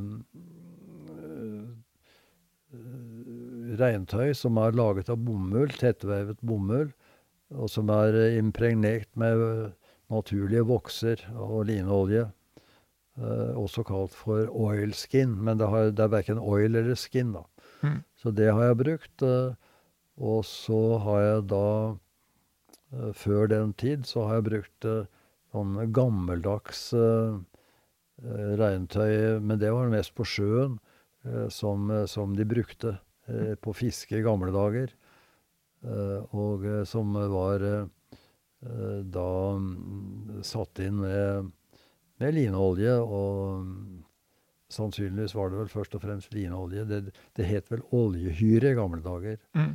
Men uh, i fjellet så har jeg også brukt uh, de gamle Helly Hansen-klær, da, som er 100% tette, og som, men som nok er laget av, av um, plastikk eller av olje Mm. basert. eh, Men, uh, så, men uh, da jeg gikk over til naturfiber, da, så har jeg ganske konsekvent brukt uh, denne engelske kvaliteten som som Barber er et marke, merke som eh, holder på det. Så, men det er jo litt tyngre, så Mm. og så har jeg da ikke da basert meg bare på regntøy, men jeg har jo alltid et vindtett lag, altså en eh, bomullsanorakk med god fiberkvalitet, som ikke ødelegger for mye i, i vekstperioden. Så, eh, så jeg mener jo at eh, når du har et helt eh, vanntett eh, regntøy, så får du jo litt kondens, men det gjør jo ikke noe det når du har en anorakk under. Mm. Så, og hvis du har ull under der igjen, så, så um, tåler du jo å, å til og med bli litt fuktig i ulla. Mm. Så akkurat til uh, klatreformål så er jo dette litt, uh, litt tungt eh, og uh, litt drøyt, men Mm. men jeg har jo vanligvis eh, Dette er jo Regntøy trenger du jo ikke når fjellene blir høye. Eh, så Eller når du er i Alpene, så er det jo for så vidt tilstrekkelig. Eh, så Og hvis det da regner, så kan du jo finne på noe annet. Mm. Så, så jeg har greid å holde stien ren. Ja, for da, jeg har jo en eh, del som støtter podkasten gjennom eh, tjenesten Patrion, og dem får jo lov å komme med sine spørsmål når eh, Ja, jeg nettopp. Ja. Så det Men da skal jeg føye til her at uh, da Gore-Tex feiret 30-årsjubileum uh, Det De første Gore-Texene i uh, Norge, uh, skalljakker, var det vel Norrøna som kom med, og det kan ha vært eh, sånn eh, fem, 75, kanskje, eller eh, ja, kanskje. eh, der omkring. Så da det var eh, 30-årsjubileum, så hadde Dagbladet en, et stort oppslag i et, et Det var vel et sånn helgemagasin. Og da intervjuet de Stein P. Aasheim og Thomas Karlstrøm, som hadde drevet SH i mange år. Og de intervjuet han som var eh, norsk eh, eh, og de intervjuet to soldater fra Merena, som jo etter hvert fikk slike klær. Og de intervjuet to jenter, unge jenter. Og bortsett fra de to jentene, så var alle enige med meg om at dette ikke var et eh, vanntett regntøy. Og at det hadde andre ulemper også. Og at det delaminerte, som det het. Det gikk opp i liminga, altså, og da var jo hele greia ødelagt. Men, det, men da fikk jeg høre da at eh, Jeg måtte skjønne det, at det var ikke vanntett, men det var bare å impregnere. Så ble det vanntett. Og hvordan går du da frem? Jo, da skal du først vaske, og så skal du impregnere. Men hvis du er på en litt langvarig ferd eh, til fjells, da, så, så er det i grunnen litt upraktisk å drive og vaske regntøyet og impregnere med diverse kjemikalier. Nå har det altså vist seg at de impregneringsformene er altså uh, farlig for uh, mennesker og påvirker vår evne til å forplante oss.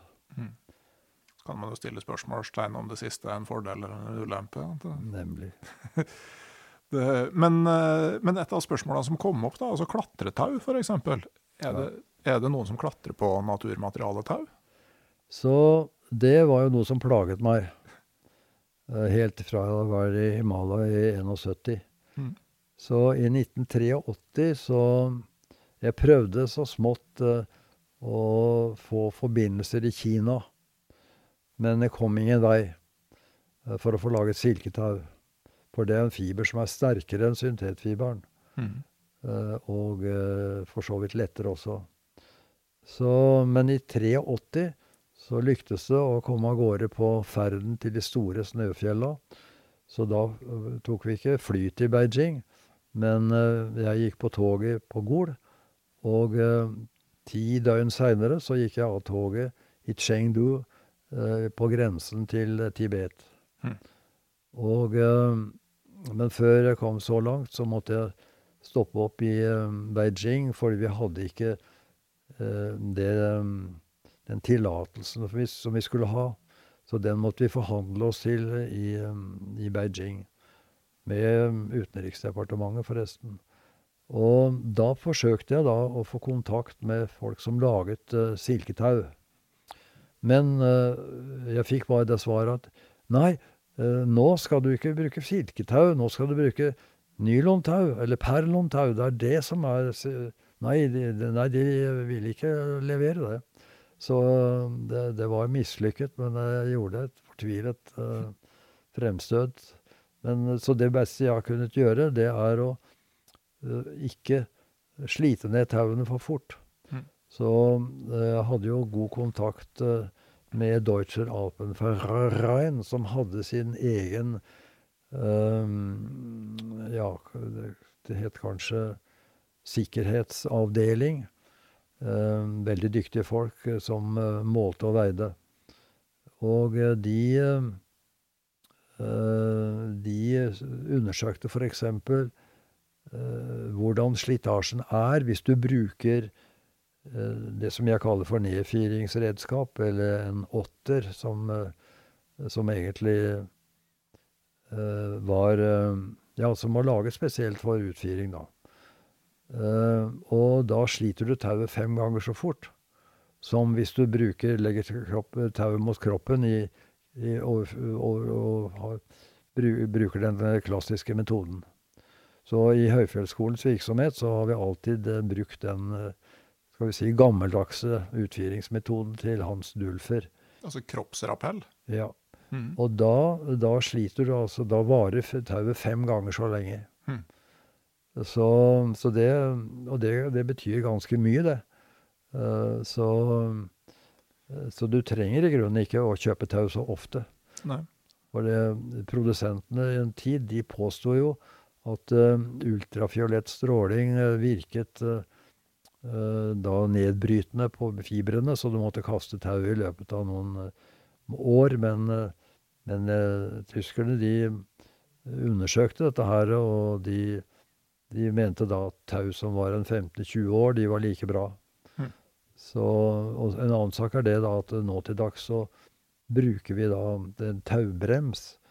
Eh, og tauet glir gjennom et, eh, en friksjonskluns. Eh, og det betyr da at du får ikke belastning på noe mer enn rundt 250 kilo.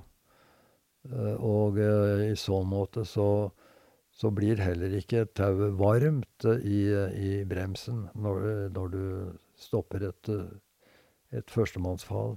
Så du kan gjøre en hel del som gjør at du kan utsette Eller altså du kan bruke tauet i fem ganger så lang tid uh, ved da en kyndig bruk. Så istedenfor to år, så kan du bruke det i ti år. Mm. Men det er, klart, da må du passe på at du ikke får steinsprangskade eller annen skade på det. Mm. Skjønner jeg jo om folk er til, troende til å bytte klatretauet sitt. Men eh, en del annet friluftsutstyr har man jo muligheten til å slite helt ut. Ja. Eh, var, på, eh, var i Indre Troms i vinter og tok opp et par episoder av podkasten.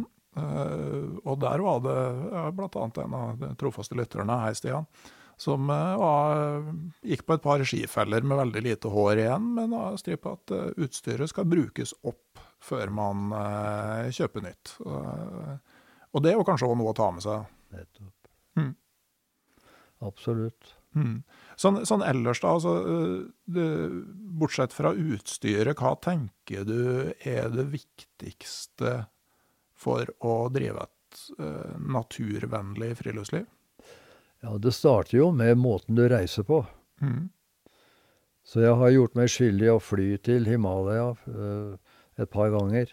Mm. Men på en tid hvor det ikke var mulig å reise langs bakken, og, og det er det vel uh, ikke nå heller. Så det, det var derfor vi i 83 eh, dro til uh, Tibets grenser.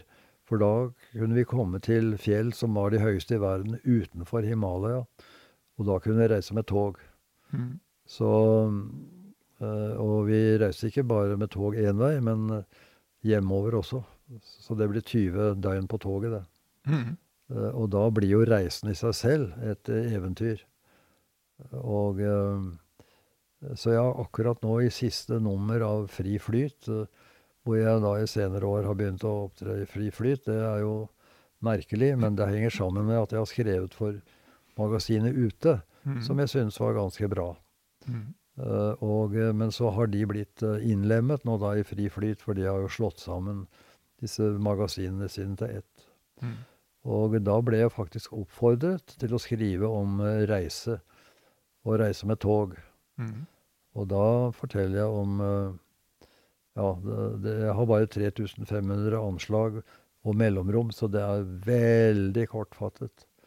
Så jeg fikk ikke fortalt så veldig mye om den reisen til, eller ferden til de store snøfjella. Eh, men jeg fikk fortalt eh, en, en, tur som jeg har gjort mange ganger med norske tinneveiledere eh, fra Norge. Med nattog til København, som vi hadde i gamle dager. Og så dagtog til München eller, eller eventuelt Basel. Og i dette tilfellet da til München, videre til Innsbruck og vestover mot Sveits. Over grensen gjennom til Chor og det, den retiske banen, som er kanskje den mest eventyrlige jernbanereisende i Europa. Hvor du reiser i sånne vendetunneler, og toget går rundt og rundt inn i fjellet. Og over sånne steinbruer som ikke bare går rett fram, men som går i en sving.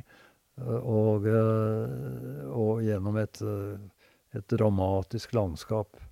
Så kommer du etter hvert da, til San Moritz, og derfra reiser du med buss eh, langs Silva Plana-sjøen, og så ned Maløyapasset, og så kommer ned i Bergeldalen. Eh, og, og etter hvert reiser Pizzpadile seg og andre av disse fantastiske hoggtennene i granitt som, som, der finnes. Hvor vi har hatt kvalifiserende kurs da, for norske tinneveiledere i, i, mange år.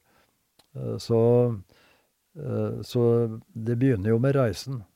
og nå til dags så har jo syklene blitt veldig avanserte. Så nå kan du jo sykle også ganske lange distanser. Og hvis du kombinerer tog med sykkel, så kan du reise på en ganske naturvennlig måte. Eh, så kommer da eh, bekledningen, og eh, der så jeg jo senest her om dagen at klær og sko utgjør omtrent 8% av CO2-utslippene i forhold til hva vi ellers produserer av CO2. Så det er ganske tungt belastende, og særlig i Norge, da, som, hvor vi da eh, skal ha spesialutstyr for sykling og gå fort på ski bortover og, og, kjøre fort på ski nedover og, og klatre på vinterføre og sommerføre og osv. osv. Det blir en svær garderobe etter hvert. Og, og fottøyet skal jo være i plastikk, altså størknet olje. Så, så det er uh, Jeg har jo da helt ifra fra da Høyfjellsskolen startet, uh, brukt uh, samme buksa på sommer- og vinterføre. Og uh, ikke bare det, men også nikkersen min når jeg blir invitert til å holde foredrag på, i Kirkeakademiet i Bergen eller, eller på en eller annen høyskole, universitet. Så, så har jeg brukt nikkersene mens det ennå er eh, litt press i dem, og før de begynner å bli nuppete. Uh, og så har jeg begynt å ta dem med til fjells uh, sommer og vinter. Mm. Så på den måten så har jeg da hatt en veldig enkel garderobe. Mm. Og ikke Men hvis du spør Helga, da, så sier hun ja, men kjelleren er jo full av støvler. Og det er nok riktig. For uh, der har jeg nok vært opptatt av at støvlene skal være hensiktsmessige i forhold til, til det jeg bruker dem til. Men, men lærstøvler Jeg har jo selvsagt alltid holdt meg til lærstøvler. Og de holder jo ganske lenge. Mm. Så det var jo sjelden at jeg ikke byttet såle på lærstøvlene. Men så jeg kastet dem ikke etter bare fordi at var, eh, sålen var slitt ned. Så, så, på den måten så kan man jo bremse uh, adskillig. Men jeg har også bremset av økonomiske grunner, fordi Høyfjellsskolen har jo ikke vært noe slags uh, økonomisk uh, suksess. Så det har vært viktig å bruke mindre penger enn vi tjente. Mm. Men det passer jo for så vidt godt med en en eh, økofilosofi som går ut på å, å bremse eller stanse økonomisk vekst og redusere forbruket. Så, så det har jo ikke vært noe, noe stort problem. Nei. Eh, hva tenker du sånn, sånn, som de to siste somrene, da, når, når, alle skal ut på tur, altså sånn med naturslitasje og hva, hva, er, hva er det er jo ikke utgangspunktet en dårlig ting at folk drar på tur, men uh, hvordan griper man inn i det? Nei, der er det jo denne forestillingen om at uh, turen du gjør, den skal da gi uttelling på sosiale medier, og den skal tjene din uh, identitet, og hvordan du stadig fornyer din identitet. Og derfor så blir det jo til at folk eh, absolutt skal uh, tråkke ned Besseggen og tilsvarende steder. Så det første man må gjøre, er jo å gjøre folk oppmerksom på hvor mange muligheter vi har f.eks. hjemme i Norge til å gjøre våre turer. Og, og at det viktigste ikke er å komme på toppen eller, eller da Eh, kunne rapportere et, et kjent navn, eh, men at eh, du da ikke har det travlere enn at du er til stede underveis, og at du oppdager at du kan ha glede av å ferdes på steder som ingen har hørt om. Mm. Nå har jo det, i, iallfall i tradisjonell fjellklatring, så har det jo vært en interesse for å oppsøke steder hvor ingen har vært før. Uh, og på den måten så spres jo da um, trafikken. Men, uh, men, når folk går til fots, så, så for eksempel, så, så kan det jo fort bli til at det blir overbelastning. Så, så, der er det altså dette med den der uvanen med å drive med sånn selfies og, og publisere uh, veldig skummel, fordi den kan altså i løpet av kort tid, kanskje bare en sesong, så kan du jo plutselig ha 50 000 som strømmer til for å få tatt bilde. Mm. Uh, så, så, der er det ikke så lett å hamle opp mot, uh, med, mot den slags. Nei. Jeg tror vi begynner å nærme oss en avslutning her nå. Men hva driver Nils Forlund med i dag? Ja, det begrenser seg da, fordi at eh, det må bli etter eh, ferd etter evne. Mm. Og når slitasjen i ryggen og ischiasmertene, nummenheten i beina og stølheten i setemuskulaturen gjør sitt, sin seg gjeldende, så, så, så, er jeg ganske beskjeden i veivalgene. Mm. Uh, så det blir ikke så lange turene. Og, uh, men jeg er jo, pendler jo fortsatt til Hemsedal.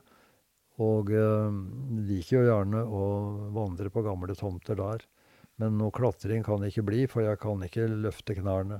Nei, men noe prosjekt sånn altså, på sånn formidling og sånne ting, da? Ja, det er det du tenker på. Ja da. Så det fortsatte jo med etter at eh, i 2015 fikk denne, at denne slitasjen eh, ga seg sånne akutte eh, utslag. Eh, så da fortsatte jeg da med, uh, med vandringer sammen med, i forbindelse med kursene som vi drev for Krigsskolen, blant annet. Og, og jeg har jo da fortsatt å ha det som vi kaller for verdikurs, hvor vi i løpet av tre dager Eh, snakker om eh, iscenesetting av uh, verdidannende læring i møte med livsfarende natur. Eh, verdier, hvordan, hvordan skaper du verdidannende læring, og hvorfor er verdier så avgjørende for at vi skal ha et liv med, i glede og, og kunne skape en naturvennlig fremtid. Eh, vi trenger altså kjøl og ror for tenkebåten vår, og, og det, det, skaper vi best ved å ferdes i natur. Så disse eh, kursene har jeg fortsatt med, og jeg har faktisk så sent som i høst hatt et, eh, et slikt opplegg for en fagskole i friluftsliv i Hemsedal. Mm. Så blir jeg invitert, når ikke koronaen forhindrer det, til å være med på dagsseminar eller eller holde foredrag. Så et opp eh, En invitasjon jeg hadde i høst, det var jo særlig gledelig. Den kommer fra Stockholm, eh, hvor eh, det var 20-årsjubileum for noe som heter Outdoor Scandinavian Outdoor Group, som er en sammenslutning av de 70 største bedriftene som lager utstyr for utendørs fritidsaktiviteter. Alt fra klær til forskjellige uh, utstyr. Uh, og uh, hvorfor ble jeg invitert til 20-årsjubileet? Jo, fordi de ville at jeg skulle da bekrefte at de hadde da snudd om på sin eh, produksjonsfilosofi eh, og blitt enig med meg. Da, som jeg sa, nå har jeg kritisert dere i 50 år. Jeg har vært en terrier i buksebeinet. Men så blir jeg plutselig invitert til deres 20-årsjubileum for å minne dere om hva økofilosofisk tenkning og hva friluftslivstradisjonene i Norge sier om hvordan vi kan ferdes på en naturvennlig måte. Så jeg ble jo nærmest båret på gullstol i denne forsamlingen. Så, så det er jo veldig hyggelig. Ellers så skal vi jo da ha til høsten så skal vi ha et nytt naturfilosofisk seminar. Så det blir jo mye da Uh, gjesteforelesninger, seminar, uh, uh, slike anledninger som i Sverige, som står på listen, og litt forsiktig sånne småvandringer for å, å, være i det rette element. Som, men så blir det mye å blande seg inn da, når det når naturen trues. Så et tema som har vært framme, er jo da at vi skulle få tonnevis av stålarmatur i, og trekonstruksjoner i Andersenhattens stup.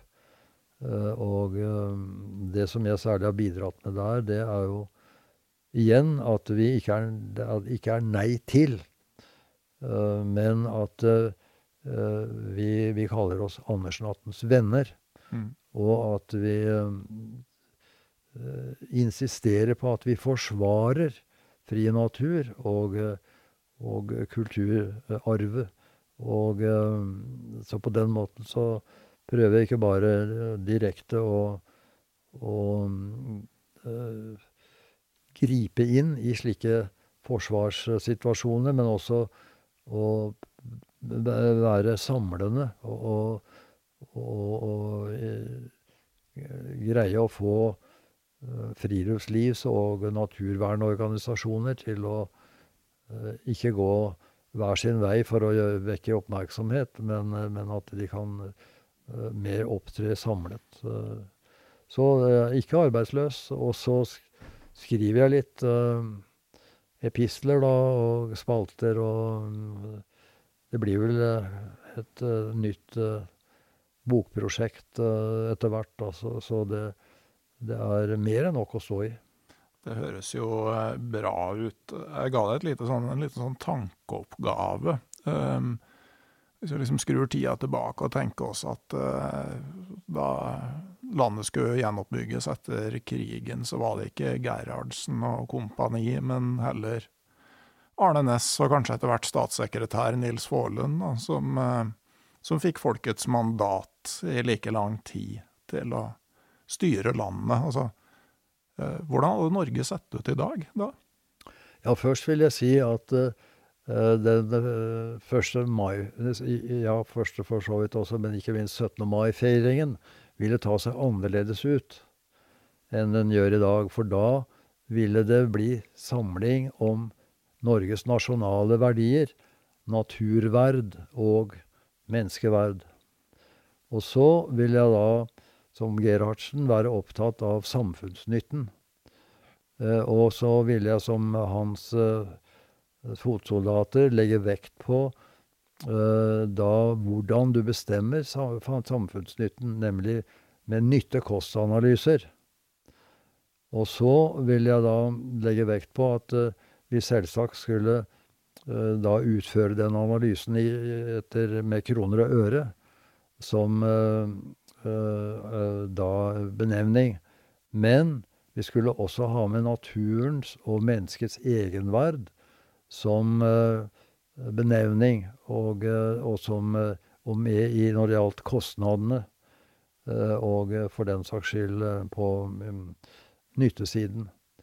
Og, og ut ifra en slik nasjonal samling mm, en, en slik nasjonal oppslutning om de tradisjonene, eh, de verdiene, som gjorde at Norge ble en fri nasjon i 1905. Så ut ifra at freden var kommet og vi var et fritt land, så, så skulle det være da kjøl og ror for, for tenkemåten vår. Og da ville da øh, øh, alle øh, statssekretærer og ministre blir valgt ut etter i hvilken grad de både da identitetsmessig og personlig og kyndighetsmessig kunne fylle disse oppgavene. Og så vil jeg da, da sørge for at Norges tekniske høgskole og Norges landbrukshøgskole og andre høyskoler og universitet da ble styrt av lover hvor da disse verdiene var overordnet, og at naturvitenskapen skulle få anledning til å utvikle seg, annet faget økologi, men at alle naturvitenskaper ikke skulle være uten filosofi, uten anvendelsesfilosofi, slik som økofilosofien sier. Så økosofilosofien skulle jo da være det overordnede den overordnede nasjonale idé, ideen. Og så skulle det altså utvikle seg på denne måten.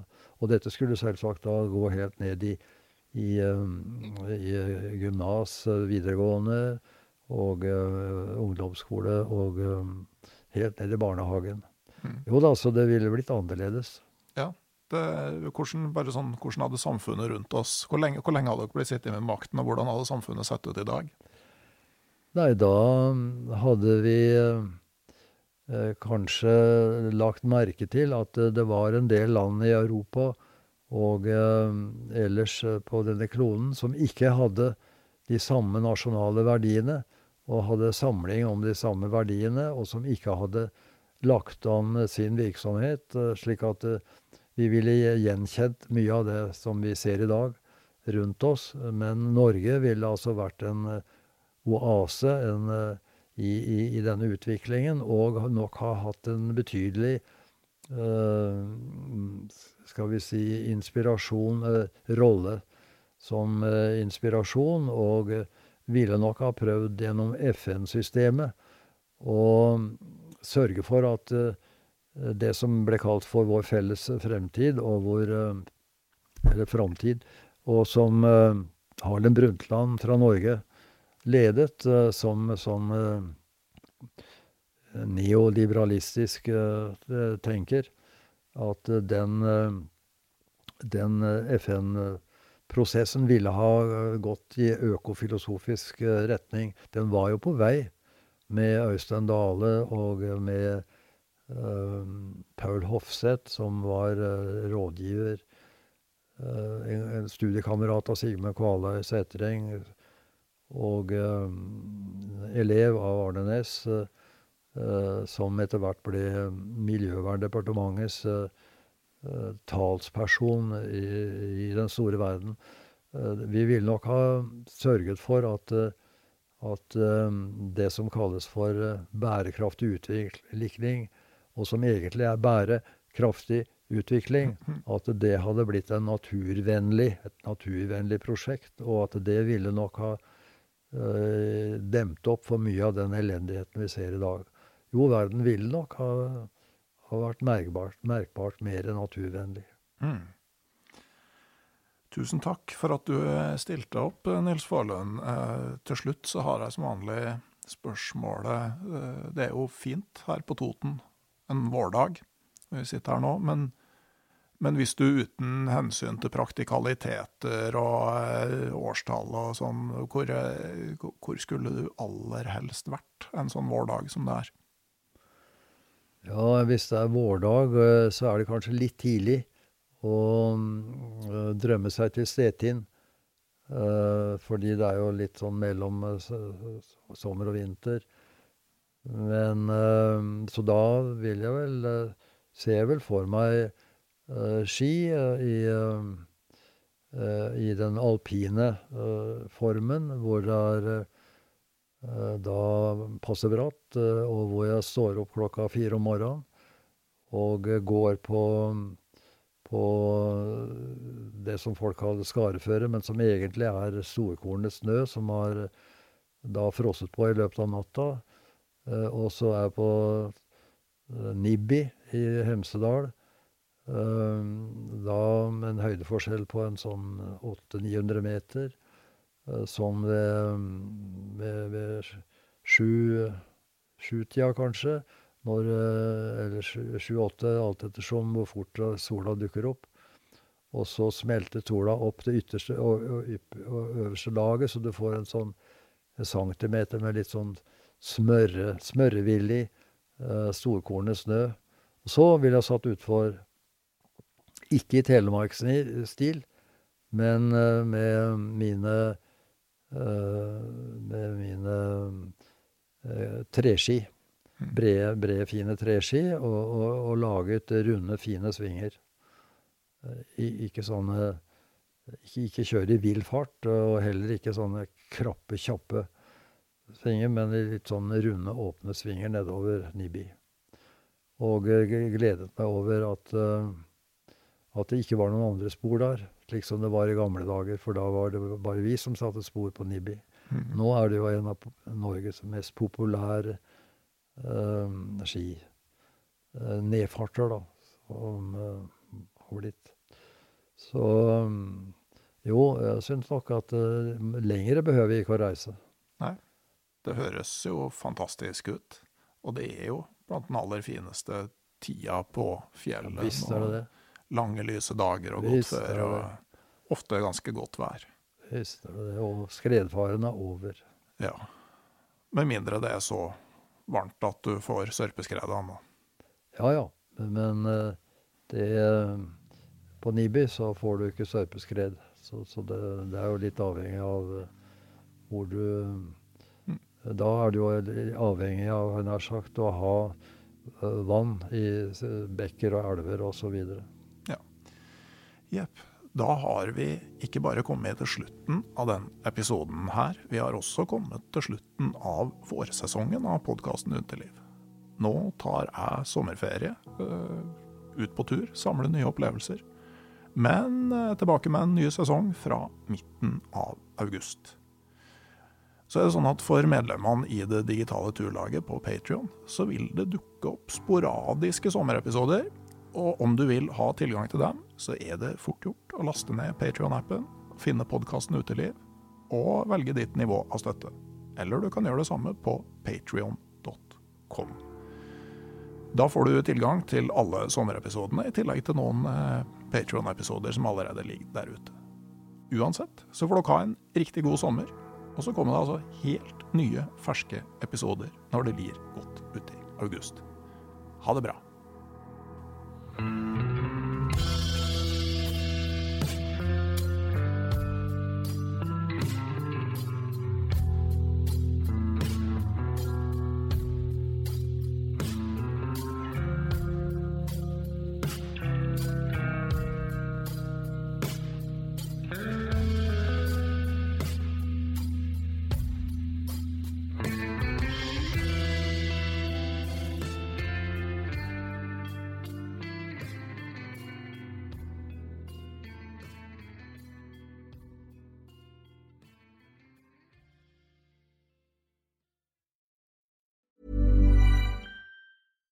Deserves the best, and there's no better place to shop for Mother's Day than Whole Foods Market. They're your destination for unbeatable savings, from premium gifts to show-stopping flowers and irresistible desserts. Start by saving 33% with Prime on all body care and candles. Then get a 15-stem bunch of tulips for just $9.99 each with Prime. Round out Mom's menu with festive rosé, irresistible berry chantilly cake, and more special treats. Come celebrate Mother's Day at Whole Foods Market. Hey, it's Danny Pellegrino from Everything Iconic. Ready to upgrade your style game without blowing your budget? Check out Quince. They've got all the good stuff shirts and polos, activewear, and fine leather goods, all at 50 to 80% less than other high end brands. And the best part? They're all about safe, ethical, and responsible manufacturing.